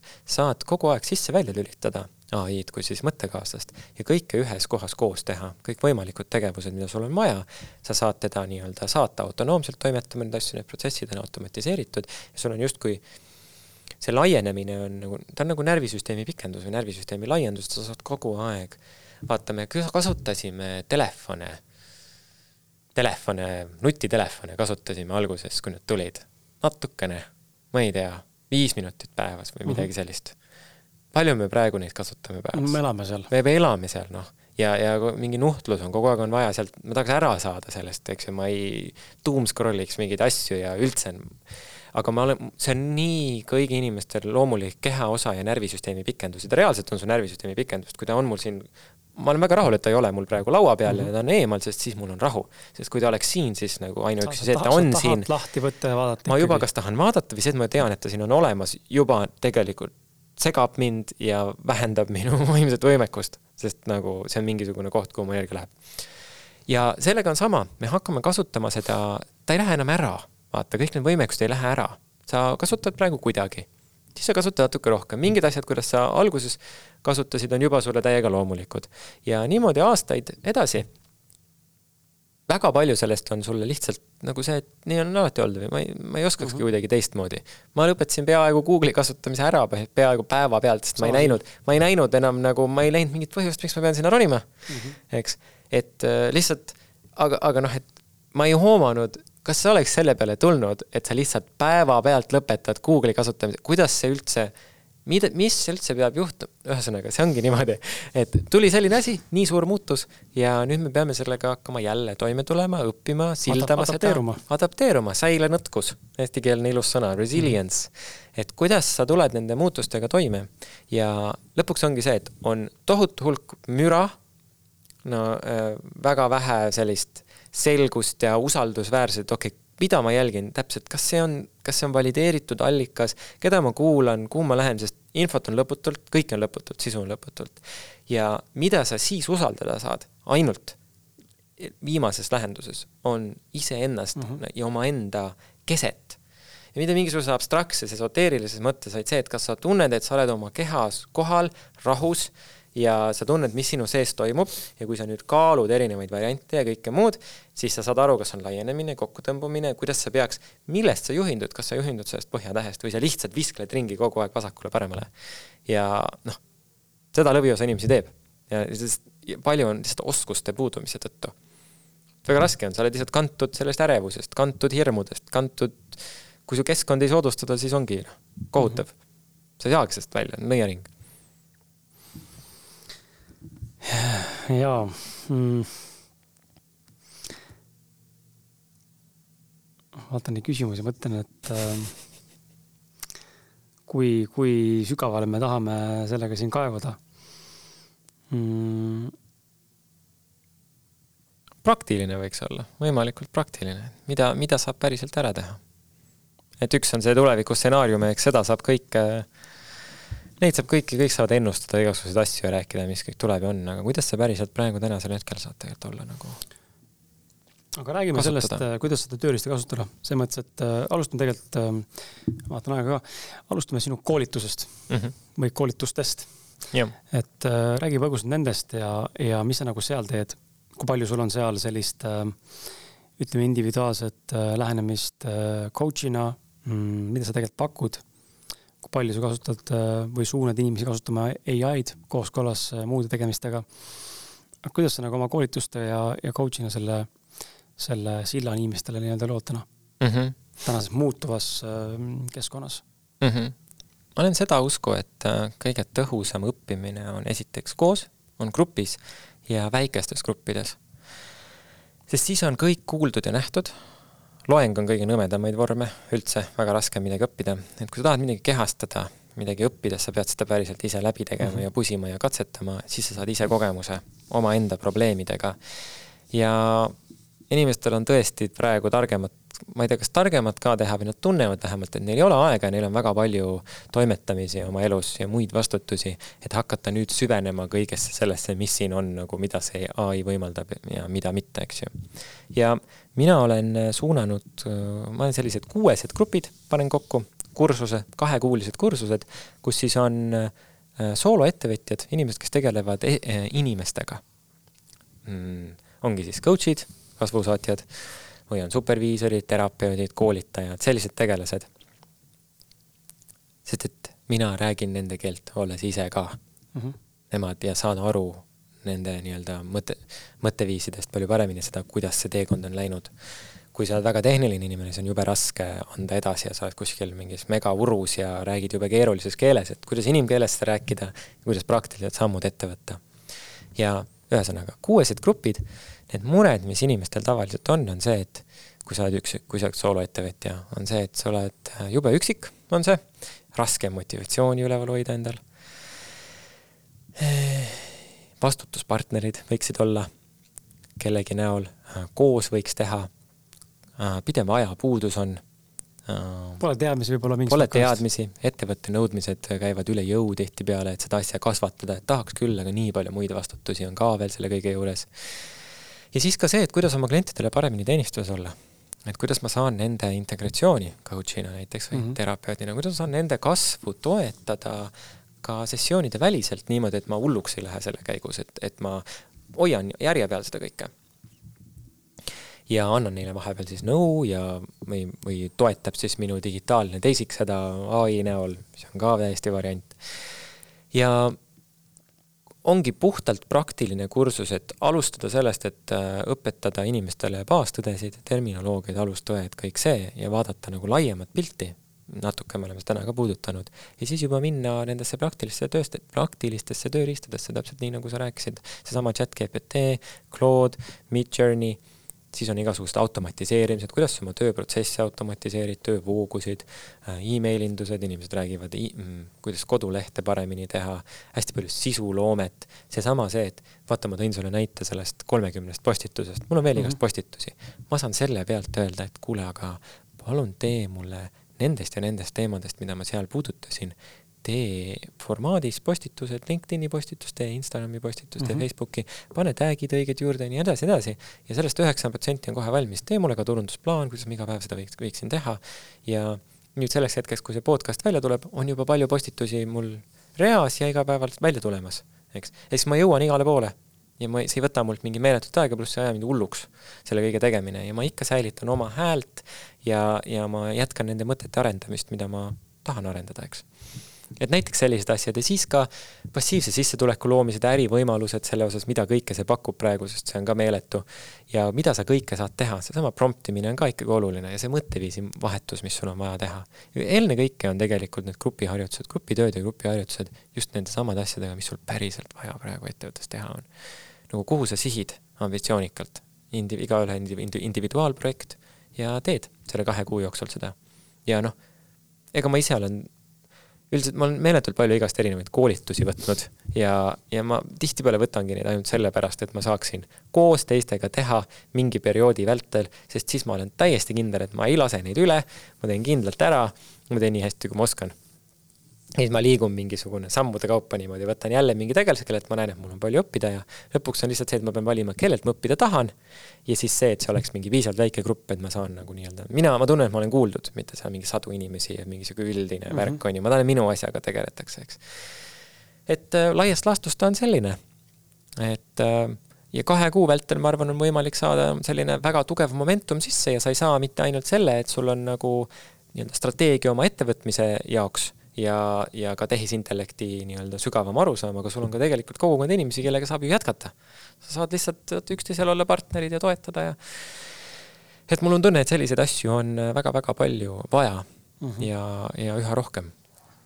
ja mida rohkem inimesi, ma arvan, koolitab, seda parem nendel teemadel. kas äh, see, millest sa rääkisid, on seesama kursus, mis on nimega Sinu ettevõtte uus ajastu tehisintellekti tööriistade oskuste abil? just, just okay just, kaks gruppi alustavad augustis. ja selle kohta saab lugeda kus kohas täpsemalt?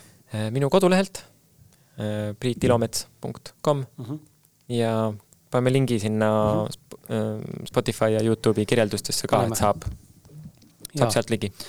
aga jälle, kui inimene kuulab, eks ole, me nägime siin äh, hüpoteetilisest kursusest äh,, võimalikust äh, potentsiaalsest allikast, mida inimene tahaks võib-olla kasutada selleks, et natuke rohkem asja nii-öelda siis müüa, mitte ainult müügi pärast, vaid just pigem võib-olla siis lahti seletada inimestele, kes kuulab täna, mõtlevad, okei okay, hmm,, tehisintellekt on huvitav asi, äh, pole ise uurinud, tahaks hea meelega kuulata grupis mm -hmm. seda õppida ähm,. siis äh,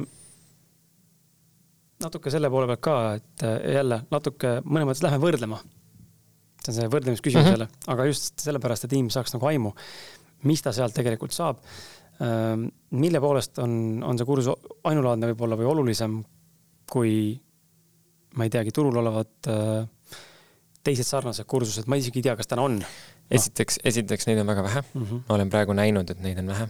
Neid võiks olla märkimisväärselt rohkem.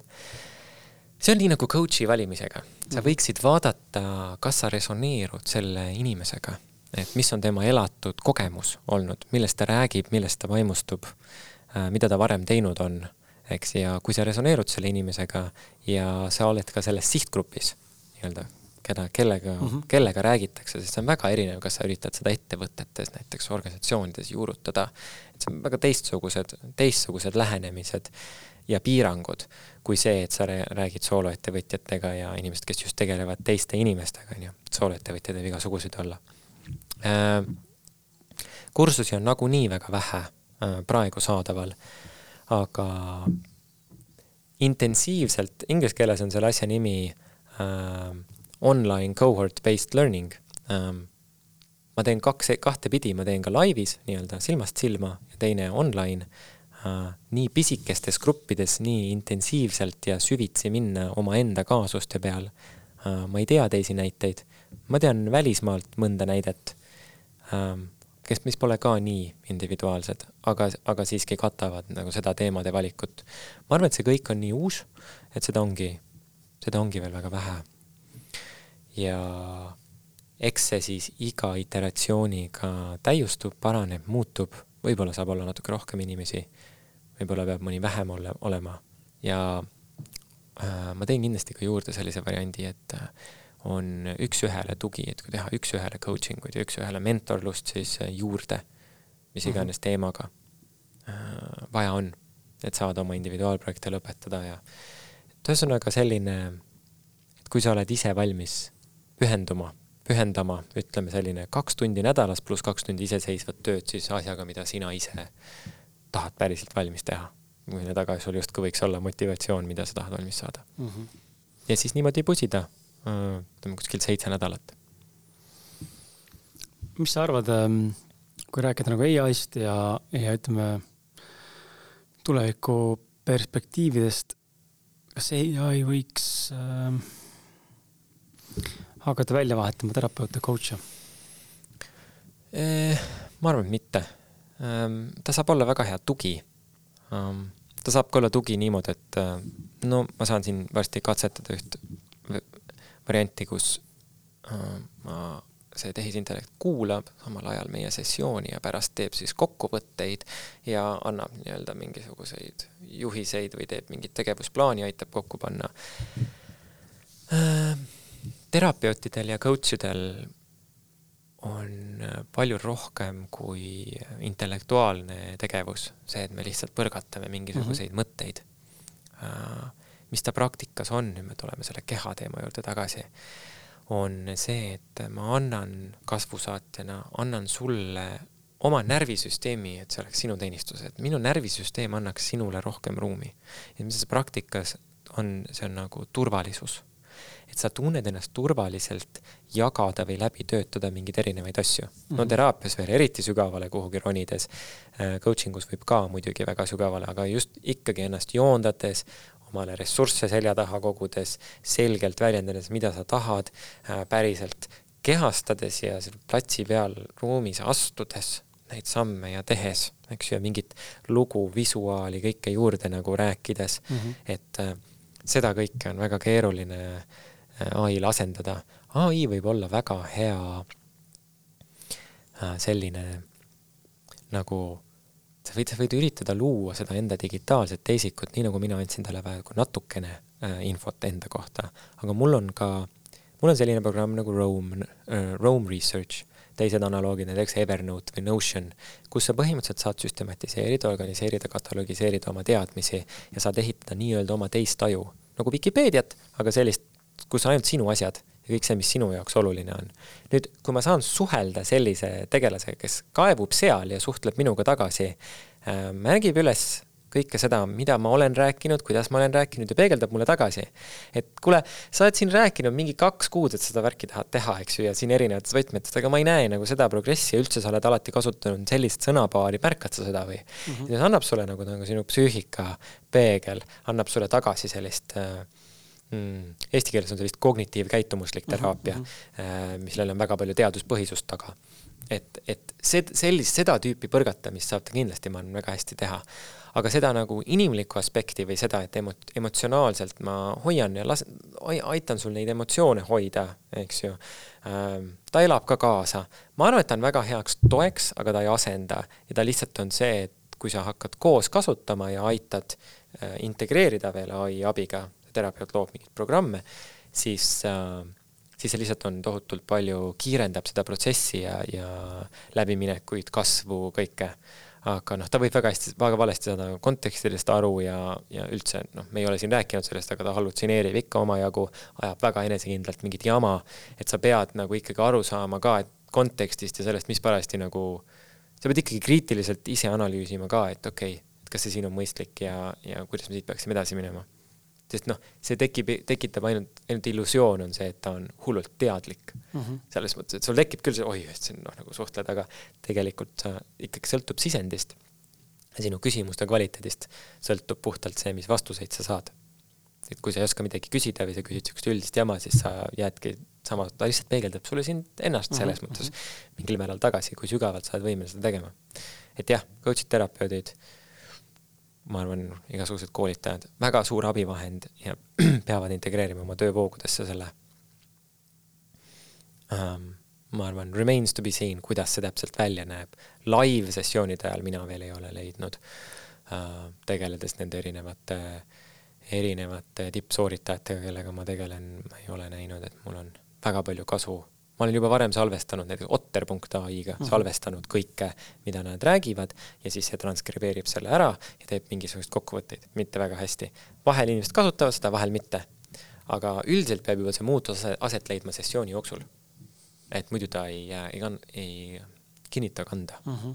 muidu on lihtsalt see tore tunne, et voh, ma nüüd nägin ja sain, aga siis sa lihtsalt kukud tagasi oma vanadesse asjadesse ja,. jah, et äh, enne tahtsin ka öelda seda, et äh, see on, see on ikka nagu inimestega, kui noh, mitte kõigiga, aga ütleme, väga suur osa on niimoodi, et kui anda võimalus, et soovi midagi, mida iganes sa soovid, siis on sel hetkel see, et mm -hmm. ei oskagi nagu midagi soovida mm. -hmm. ja selle chat GPT-ga saate kogeda sedasama tunnet, et äh, mine anna talle üks esimene käsklus ja kui sa avad selle, siis ma võin julgelt kihla vedada, et väga suur osa inimesi on mida ma küsin mm? -hmm. Ei oskagi nagu midagi küsida, mida ma üldse küsin? mida ma üldse teada tahan, et ei tahagi nagu midagi teada mm. -hmm. see on hästi huvitav äh, sihuke mm, tunne ja kogemus, et äh, ma ei tea, mis see ütleb, äh, Priit, kui sa nüüd tegelikult mõtled selle peale või koos mõtleme, et mis see nagu inim, inimpsühholoogia või inimese kohta ütleb, et kui tegelikult meil on sellised tohutud ihad ja, ja tahtmised ja vajadused kohe taustal, eks ole, kes tahab saada paremat autot, paremat materiaalsust, paremat suhet, paremat tervist, paremat keha. ma ei tea, rohkem raha, rohkem saavutada, rohkem vastuseid, ähm, rohkem teadmisi. ja kui sulle antakse päriselt see võimalus mm, -hmm. siis sa ei kasuta seda mm. -hmm mis see tegelikult tähendab? hirm. Enamasti on ta hirm. mille ees? hirm teadmatuse ees hmm. või suisa surmahirm. üldse selleks, et äh, palju raskem olen ma näinud ise igasugustes oma teraapiates ja sisemise kasvu teel, isegi raskem on vastu võtta seda nii-öelda oma sisemist kulda või seda oma täispotentsiaali, see, mida ma aitan inimestel mm -hmm. avada, sest seda on nii hirmus, kõik see, mida sa võiksid olla elus ja milleks sa ise tead, et sa oled võimeline, justkui see soov ja ambitsioon suureneda, kasvada, laieneda, seda omaks võtta, et äh, ma olen seda väärt, äh, ma olen seda võimeline tegema, kõike muud on tihtipeale isegi raskem, kui töötada läbi mingisuguseid nii-öelda väga raskeid, kas traumaatilisi kohti või mingisuguseid seikasid leine või midagi muud. et äh, noh, ma olen ise seda täheldanud äh, teraapiates, kus on mingid väga suured teadvuse avardumised olnud, kus mul on ka selline, et et vau wow,, et ma olen mingisuguse omaenda kõrgema versiooniga ühenduses ja või, või mingi teejuhiga või millega iganes ja, ja mul on nagu see, et et et mu intuitsioon on praegu nii tugev, et ükskõik, mida ma küsin, ma saan koheselt vastuse ja nagu väga tugeva, selge kehalise signaaliga, et selline vastus on nagu, et ma tean, et see on nagu nii on või mm -hmm. nagu minu, see on minu tõde. ja, ja siis on mul nagu peas see, et okei okay,, ma võin ükskõik mida küsida ja siis ma olen see, et ma ei julge midagi küsida mm. -hmm. sest võib-olla ma ei taha isegi vastust teada. päris mitmele asjale nagu, mis on hirmsad küsimused. kui ma tea-, kui sa tead, et sa saad nagu ausa vastuse kindlalt kohe ja, ja tead, siis sa oled nagu mingi, sa mõtled nagu ikka mitu korda üle, et kas sa päriselt tahad teada. Ja, ja noh, seda ta ei anna sulle päris niimoodi, aga selline nagu laienemine, kuidas ma võiksin üldse suhestuda selle uue, see on nagu uus liik, see ai ja sa, sa hakkad mingi uue liigiga hakkama koos elama, kuidas temaga suhestuda, kuidas temaga suhelda üldse, millist, kuidas see võiks sümbiootiline, sümbiootiline, mitte parasiitlik nii-öelda mm -hmm. suhe olla. et, et need on küsimused, et millest me enamasti jääme kinni, on, on hirm ja teadmatus on väga hirmutav ja kui sellega ei harju praeguses maailmas, siis on väga raske toime tulla. Sest sellist justkui vajadust kontrollida või see, et mis nüüd, et ma tean, mis saama hakkab, no me ei tea keegi, mis saama hakkab. Ja see on ikka ulmeline muutuse kiirus. peame lihtsalt olema võimelised reguleerima ennast niimoodi, et me oleme iseenda keskmes ja saama aru, et meie need ihad ja kõikvõimalikud, tahan kiiremat autot või midagi muud, kust see tuleb Mm -hmm. et kas, kas mingi asi tuleb väga sügavast minu olemusest olla kellelegi teenistuses, teiste teenistuses näiteks ja minu südamest või on see mingisugune ongi mingisugune kellegi perekonnaliikme uskumus, mille ma olen endale omaks võtnud või mingi hirmupõhine asi, et ma tahaks mitte seda teha, sellepärast ma scroll in siin seda sotsiaalmeediat või no mis iganes, aga et ma teadvustaksin seda, tuleksin keskmesse, saaksin aru, märkaksin kõigepealt, see on ajuga, aga aktsepteerid seda, siis see on südamega.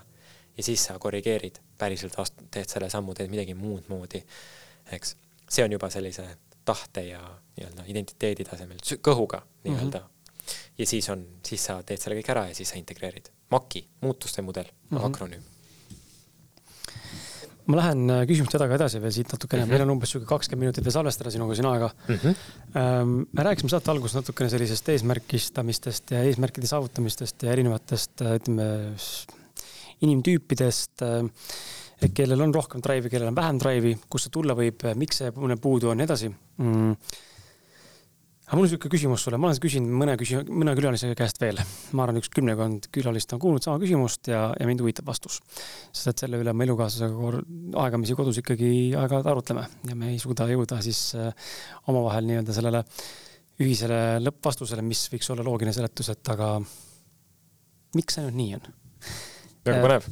viimasel ajal, ütleme viimase, viimase viie-kuue aasta jooksul väga tugevalt on hakanud ühiskonnas äh, tulema välja selline oluline lause, loo teistele väärtust, on ju, serve others uh,, create value uh,.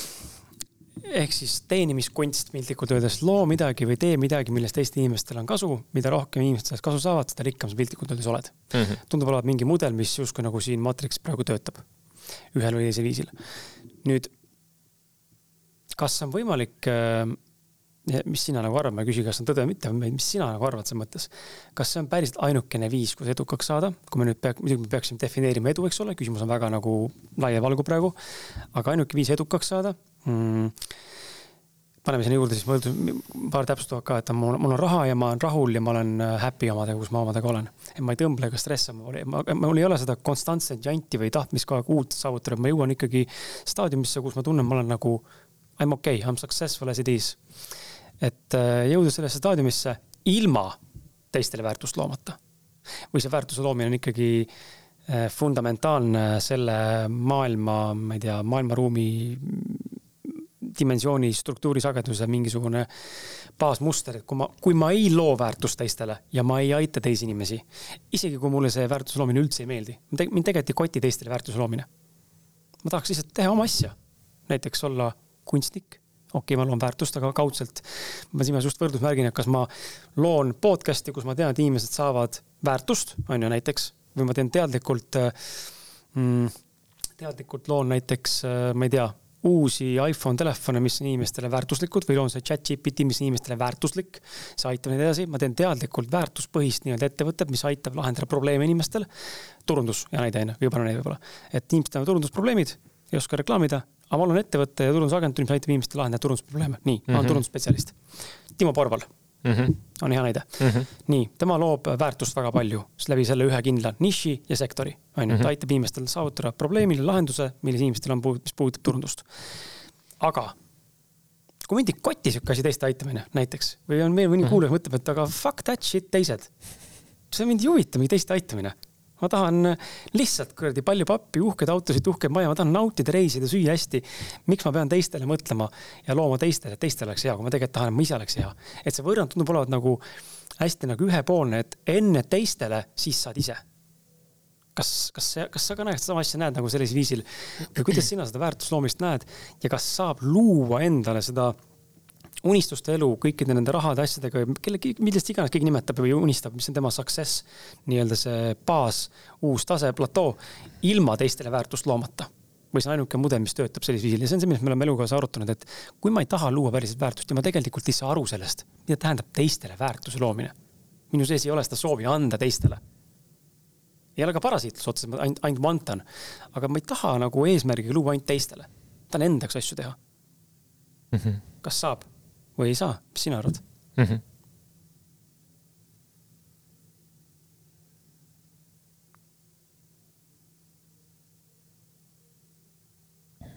ma jäin selle kunstniku näite peale mõtlema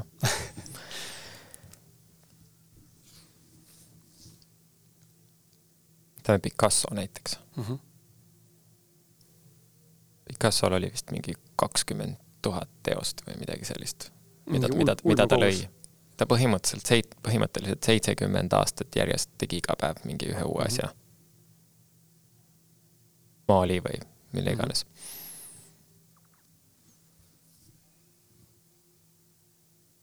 ta väljendas lihtsalt ennast. tegi seda, pani paberile seda, mis tuli tema seest mm. -hmm.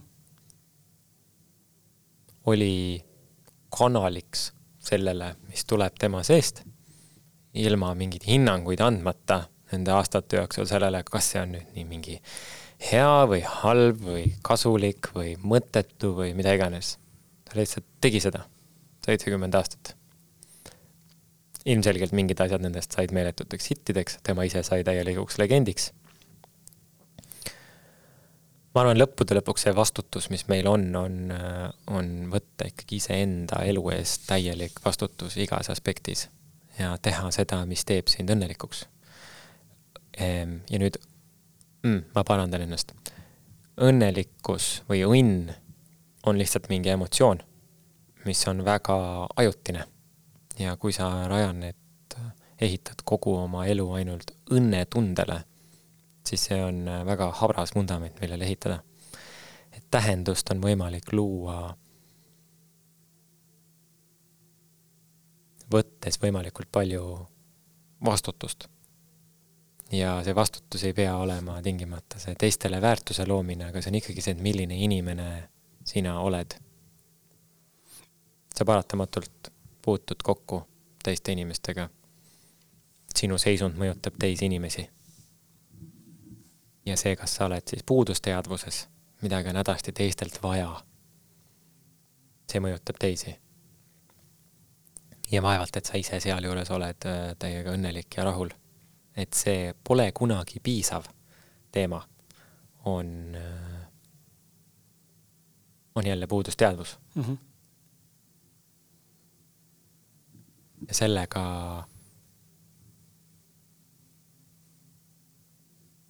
teed sa teistele ka, arvan, karuteenet, sest sa oled ise väga kurb selle kõige juures või noh, nagu rahulolematu mm, -hmm. ütleme, alati rahulolematu. aeglustades, endasse tulles ja lihtsalt siin niisama olles, võib kuidagi ka, võib ka mõista seda, et me võime lihtsalt siin praegu olla, siin hetkes, midagi pole vaja, rohkemat ega vähemat, kõik ongi perfektne, nii nagu ta on. ja tulevikku vaadates.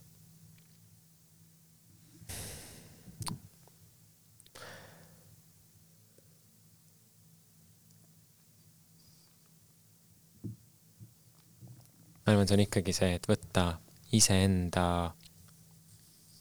kõigi aspektide osas vastutus. mis pakub mulle rõõmu, mis teeb mind ütleme, õnnelikuks, mis annab minu elus tähendust.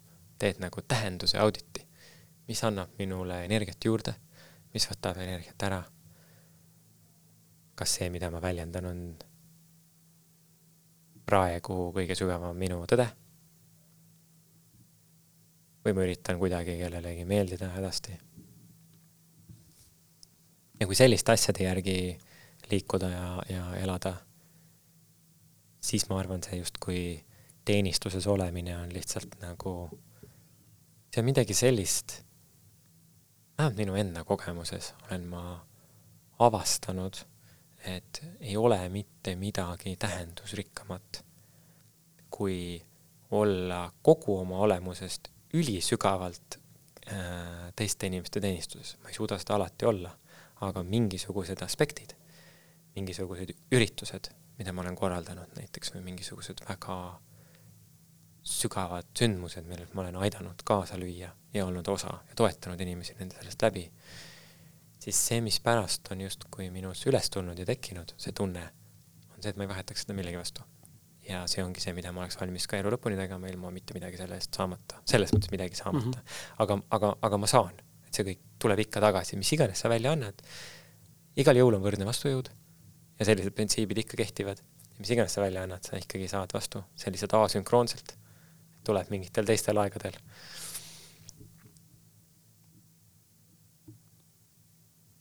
Et äh, nagu ikka tasakaalu küsimus alati, jah, teiste teenistuses, aga see, kui sa oled, kui sa, kui sa päeva lõpus oled sajaprotsendiliselt iseenda teenistuses ja armastad iseennast, ega sul midagi muud üle ei jää, kui olla. seeläbi oled sa ka kõigile teistele suurepäraselt mm. -hmm. sa teed maailma rikkalikumaks kohaks ja ei võta midagi ära, on win-win. lihtsalt seda tuleb juurde. Nagu sa vist ütlesid alguses, see, et ise lood oma reaalsust, ise usud sellesse mm, -hmm. et me, mina usun sellesse, et me igaüks loome oma reaalsuse ise, kõige sügavamas mõttes. ja kui see on see, mida sa valid uskuda ja tõesti selle järgi kehastuda, siis, siis nii ongi ja neid näiteid on olemas maailmas, aga see idüll või mitte idüll, ideaal, mida sa sead omale, noh, see on päris ulmeline, näiteks see, et sa alati oled teiste teenistuses, no see tähendab ka, sa pead olema alati iseenda teenistuses ja, ja alati hoidma iseenda seisundit nii hästi, kui sa oskad. ja võtma vastutust kõigi oma elu aspektide eest, aga no mida see tähendab, me oleme kõik inimesed, me mm. lihtsalt ikka laguneme laiali, on paremaid, halvemaid päevi ja teeme vigu ja me alateadvus sabot-, saboteerib meid ja, ja nii edasi ja nii edasi, eks. eks me anname oma parima. sa mainisid äh, sõna saboteerima, see oleks mm -hmm. mu järgmine küsimus mm. -hmm. Ähm, äh, see on äh, sihuke põnev teema mm,. ja mõnes mõttes äh, natuke kurnav ka. eriti kui sa, noh, ma enda kogemust saan rääkida ka, kui palju ma olen läbi aastate ennast saboteerinud ja ma arvan, me kõik oleme mm. -hmm. iseasi, kui palju me julgeme seda tunnistada või vaadata otsa selle asjale mm, või, või märgata seda, kui ma saboteerin ennast mingil tasandil mm..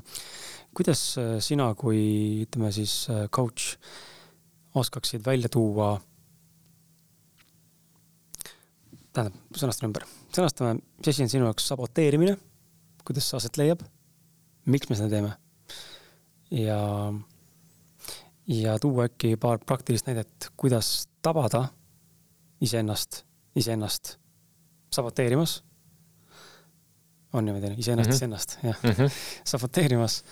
Ehm, ja teistpidi, mis võiks olla see lahendus ehk siis remedy saboteerimise lõpetamisele või siis äh, selle ümberpööramisele mm. -hmm. kuidas sellest vabaneda, sest mm -hmm. ilmselgelt see on väga suur, väga suur nagu takistus teinekord enda teekonnal, kas mingi asja suunas liikumaks või millekski või, või kellekski või millekski saamas. ja tihtipeale seal on taga ka hirmud, eks ole, jälle teadmatuse, tundmatuse ees. Aga võib-olla veel midagi, ma ei tea täpselt. et ma ise olen ka üritanud mõtestada seda mingites valdkondades, kus ma näen, et ma tean, ma pean tegema seda, aga näed, ma lihtsalt no ma räägin ära ennast, ma lihtsalt ei tee ja ma ei tee seda aastaid võib-olla, aga samal kuklas on kogu aeg see tunne, et see on see, mida ma pean tegelikult minema, mis, mis, mis teed ma tegelikult pean käima. aga ma ei lähe sinna seda tegema äh,. mitte kõigiga, aga mingite valdkondadega. ma räägin nagu ennast välja sealt mm. -hmm. et ma saan aru, tegelikult see on hirmud, eks ole, mõnda oskan nimetada, aga mul on tunne, et seal on midagi nagu veel, et oskad sa äkki natukene saate lõppu mõtiskleda siin äh, saboteerimise üle mm -hmm. ja miks me seda teeme ja sul on sihuke kümme minutit seda loengut mulle siin pidada mm. -hmm. hakkame siis hästi kaugelt pihta. hakkame näiteks nelikümmend tuhat aastat tagasi näiteks ähm,. Üks kõige suuremaid muutusi inimkonna ajaloos oli, oli siis, kui me tegime sellise muutuse, et me hakkasime arendama viskerelvi mm.. me ei läinud enam mammutile selle nuiaga kallale et me hakkasime odasid tegema mm -hmm. ja mhm. selliseid ähm, muid, muid sarnaseid relvi, et nii-öelda panna vahemaa millegi vahele. Inglise keeles on see projectile weapons. sõna project on siiamaani meie keeles. To project ja on subject ja object, et mida me viskame, mille suunal me viskame. ja see on siiamaani meil olemas. see, mida sa ütlesid, et sa saboteerid ennast, eeldab seda, et sa justkui, kas sa siis sihid millegi suunas, sa mhm. tahad kuhugi jõuda või midagi teha või sa ütled, et sa tead, et sa pead või peaksid seda tegema, aga sa ei tee. see on sellepärast, et äh, me justkui vaatame ennast nüüd, vaatame, sind on nagu üks ja mind on siin üks ja väga spirituaalses mõttes vaadata, siis meid on kokku üks ja me kõik mm -hmm. oleme üks. aga kui sa vaatad nüüd seda sinu enda psüühikat, siis äh, no näiteks äh, internal family systems, siseperesüsteemid, selline teraapia vorm, äh, ütleb, et sind on umbes kolmteist alamisiksust, võib-olla rohkem veel. väga palju erinevaid vorme, teraapiavorme ja kõike muud käsitlevad seda niimoodi, et on palju erinevaid osasid sinust. ja siis on mingi kõrgem aspekt, mis on justkui nagu tiimijuht, tiimijuht, kes oskab neid kõiki mm -hmm. hallata ja nendega rääkida ja neid tuua pilti. ja mis juhtub sellel hetkel, kui sa paned omale selle sihi, et nii, ma teen nüüd oma startup'i, äh, tõstan sinna suure kapitali ja ma lähen sellega lendu ja mul on selline suur ambitsioon. kohe, kui sa ütled seda, et sul on see suur ambitsioon, see on mingi osa sinust, kes soovib neid asju saavutada, siis tuleb mingi teine osa sinust kohe, kes ütleb, et oota, oota, aga, aga mina, aga mina tahan ka olla kuuldud. viimane kord, kui sa sellist jama tegid, siis äh, me põlesime läbi mm. -hmm. ma olin äh, kolm kuud, oli ilgelt halb olla, võib-olla kauem.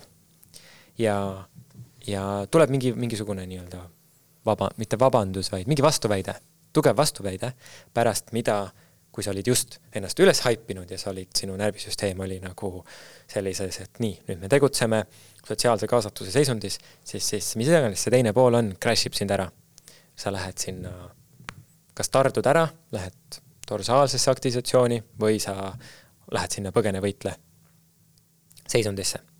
ja, ja sinna me jääme kinni. Nüüd kuidas sa saad nii teha, et sa tood pilti kõik need pooled, kõik need osad sinust, kes tahavad olla kuuldud sellesama asja juures, sellesama mis iganes ülesande või mis iganes projekti või mis iganes asja jooksul on, mida sa tahad teha. eks, et selles on see küsimus, seal võib olla coach'i abi, sa võid kirjutada, päevikut pidada, vaadata asju erinevate perspektiivide alt, ka mõtlemine on väga keeruline protsess, sa pead oma peas, sa pead lahutama ennast nendeks erinevateks tegelasteks ja nendel lasta, lastma neil omavahel sõdida põhimõtteliselt mm, -hmm. omavahel mingit vestlust pidada. ja mingid osad sinust on väike sina, nelja-aastane või viieaastane sina, kes vähimalgi määral ei taha selliseid asju teha, kes tunneb, et ta ei ole nähtud, kuuldud, armastatud, ta ei ole piisav. kõik need osad vajavad nägemist, hoidmist ja, ja nii-öelda kaasamist me saboteerime ennast enamasti, ma arvan, selliste osade tõttu. Ja see on rämedalt frustreeriv minu meelest, kui kavalaid erinevaid viise on olemas, kuidas saab ennast saboteerida, mida nutikam sa oled, seda lihtsalt nutikamalt sa ennast saboteerid, vahet ei ole, see jääb ikka, jäävad, jääb alles.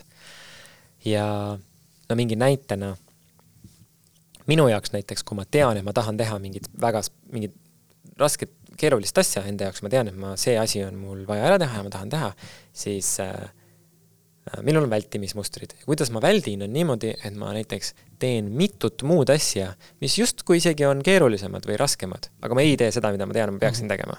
ma teen neid ja siis mu oma peas on mul põhjendus, et, et äh, aga keegi ei saa mind süüdistada selles, et ma ei tee seda, sest ma tean, vaata, ma teen neid, neid, neid raskeid asju.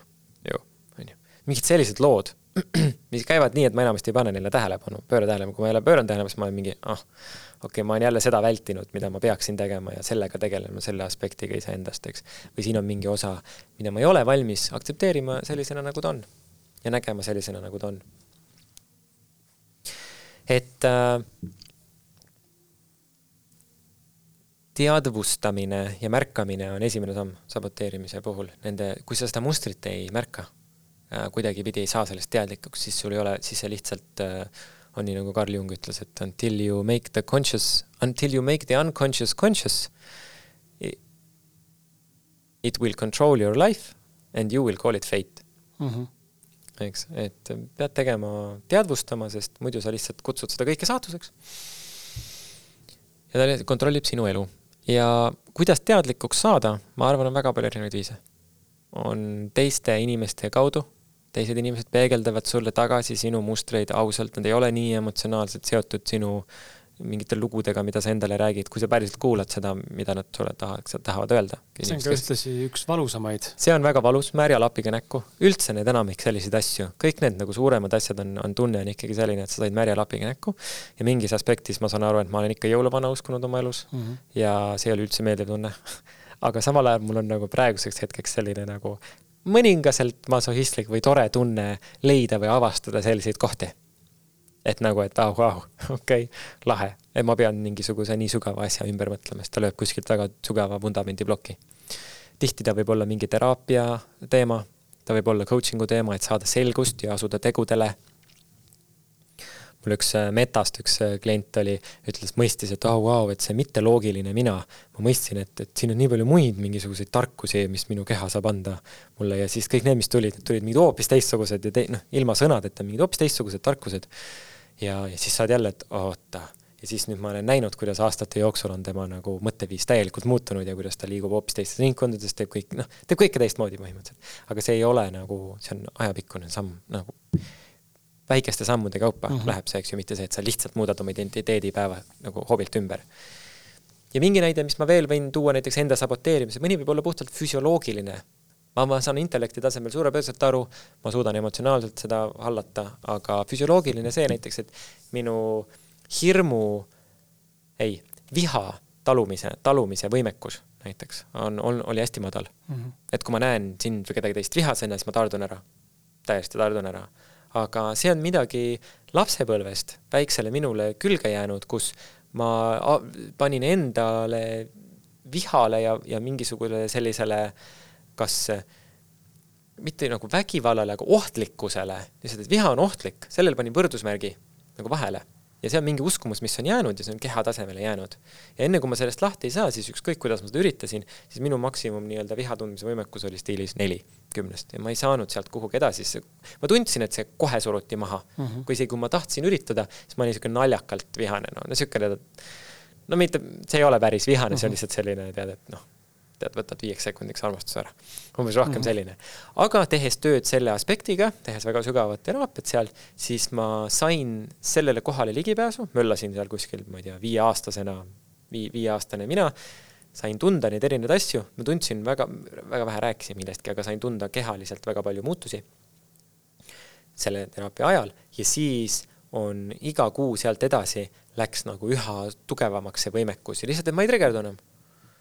noh, vihale või mm -hmm. ma saan nagu palju, palju suuremat kogust rahulikult vastu võtta. ja ma ei saboteeri seal kohas ennast enam, sest muidu ma tõmbaks kilpi ja teeks mingeid kõiki asju teistmoodi. ja seda, et vältida teiste viha, on, oli ülipalju minu tegevustest kantud. sest ma ei taha seda tunda, ma tahan tegelikult kõike, et seda vältida. aga see on nii alateadlik, eks. et seal on, seal ei ole ühte konkreetset vastust, aga väga palju erinevaid viise on, kuidas sellega tegeleda. aga ennekõike on see ikkagi, lühike vastus on sisetöö, töö iseendaga me ei saa kontrollida väga palju asju, mis, mis, me ei saa üldse kontrollida, mis väljaspoolt juhtub, aga me saame kontrollida, kuidas me reageerime sellele. ja, ja me saame kontrollida, kuidas me iseendaga toimetame ja mida me teeme, mida me valime teha. kui me leiame, et täiskasvanud inimene nagu naudib seda, kui ta leiab mingi aspekti endast, millega nüüd saab tegeleda mm -hmm. ja, ja nüüd seda nagu nii-öelda tervendada või joondada enda, enda osaks. nii-öelda, et see on, et see on eluterve muster. sest muidu ta on lihtsalt mingi vana asi, ei teeni mind, ma saan valida uuesti selleks peab natuke laiali raputama neid vanu mustreid ja noh, minema looma natukene muutunud teadvuse seisundeid, laiemaid seisundeid, kus sul on rohkem asju, ei ole, sa ei ole oma mustrites ainult, oma nendes nii-öelda kinnisideedes ja ei räägi ainult neid asju, mida sa muidu räägid, vaid et sa näed nagu rohkem laiemat perspektiivi ja sa saad valida, okei okay,, see ei sobi mulle, see sobib, mida ma võiks selle asemel öelda või muuta. ja siis sa teadlikult valid ja siis sa nii käitudki, identiteedi tasemel muutus ja miks see kõik nii ebameeldiv on tihtipeale, on see, et mingi osa sinust peab surema. Mm. E, metafoorselt, aga tunne on küll see, nagu mingi osa sureb nagu füüsiliselt, sest jube ebameeldiv on, kõhus on ebameeldiv üldse igal pool. Tihtipeale väga ebameeldiv olla. ja, ja nii-öelda see uuenemise protsess, kui sa teed vanale ruumi või tähendab, lased vana ära, siis teed uuele ruumi.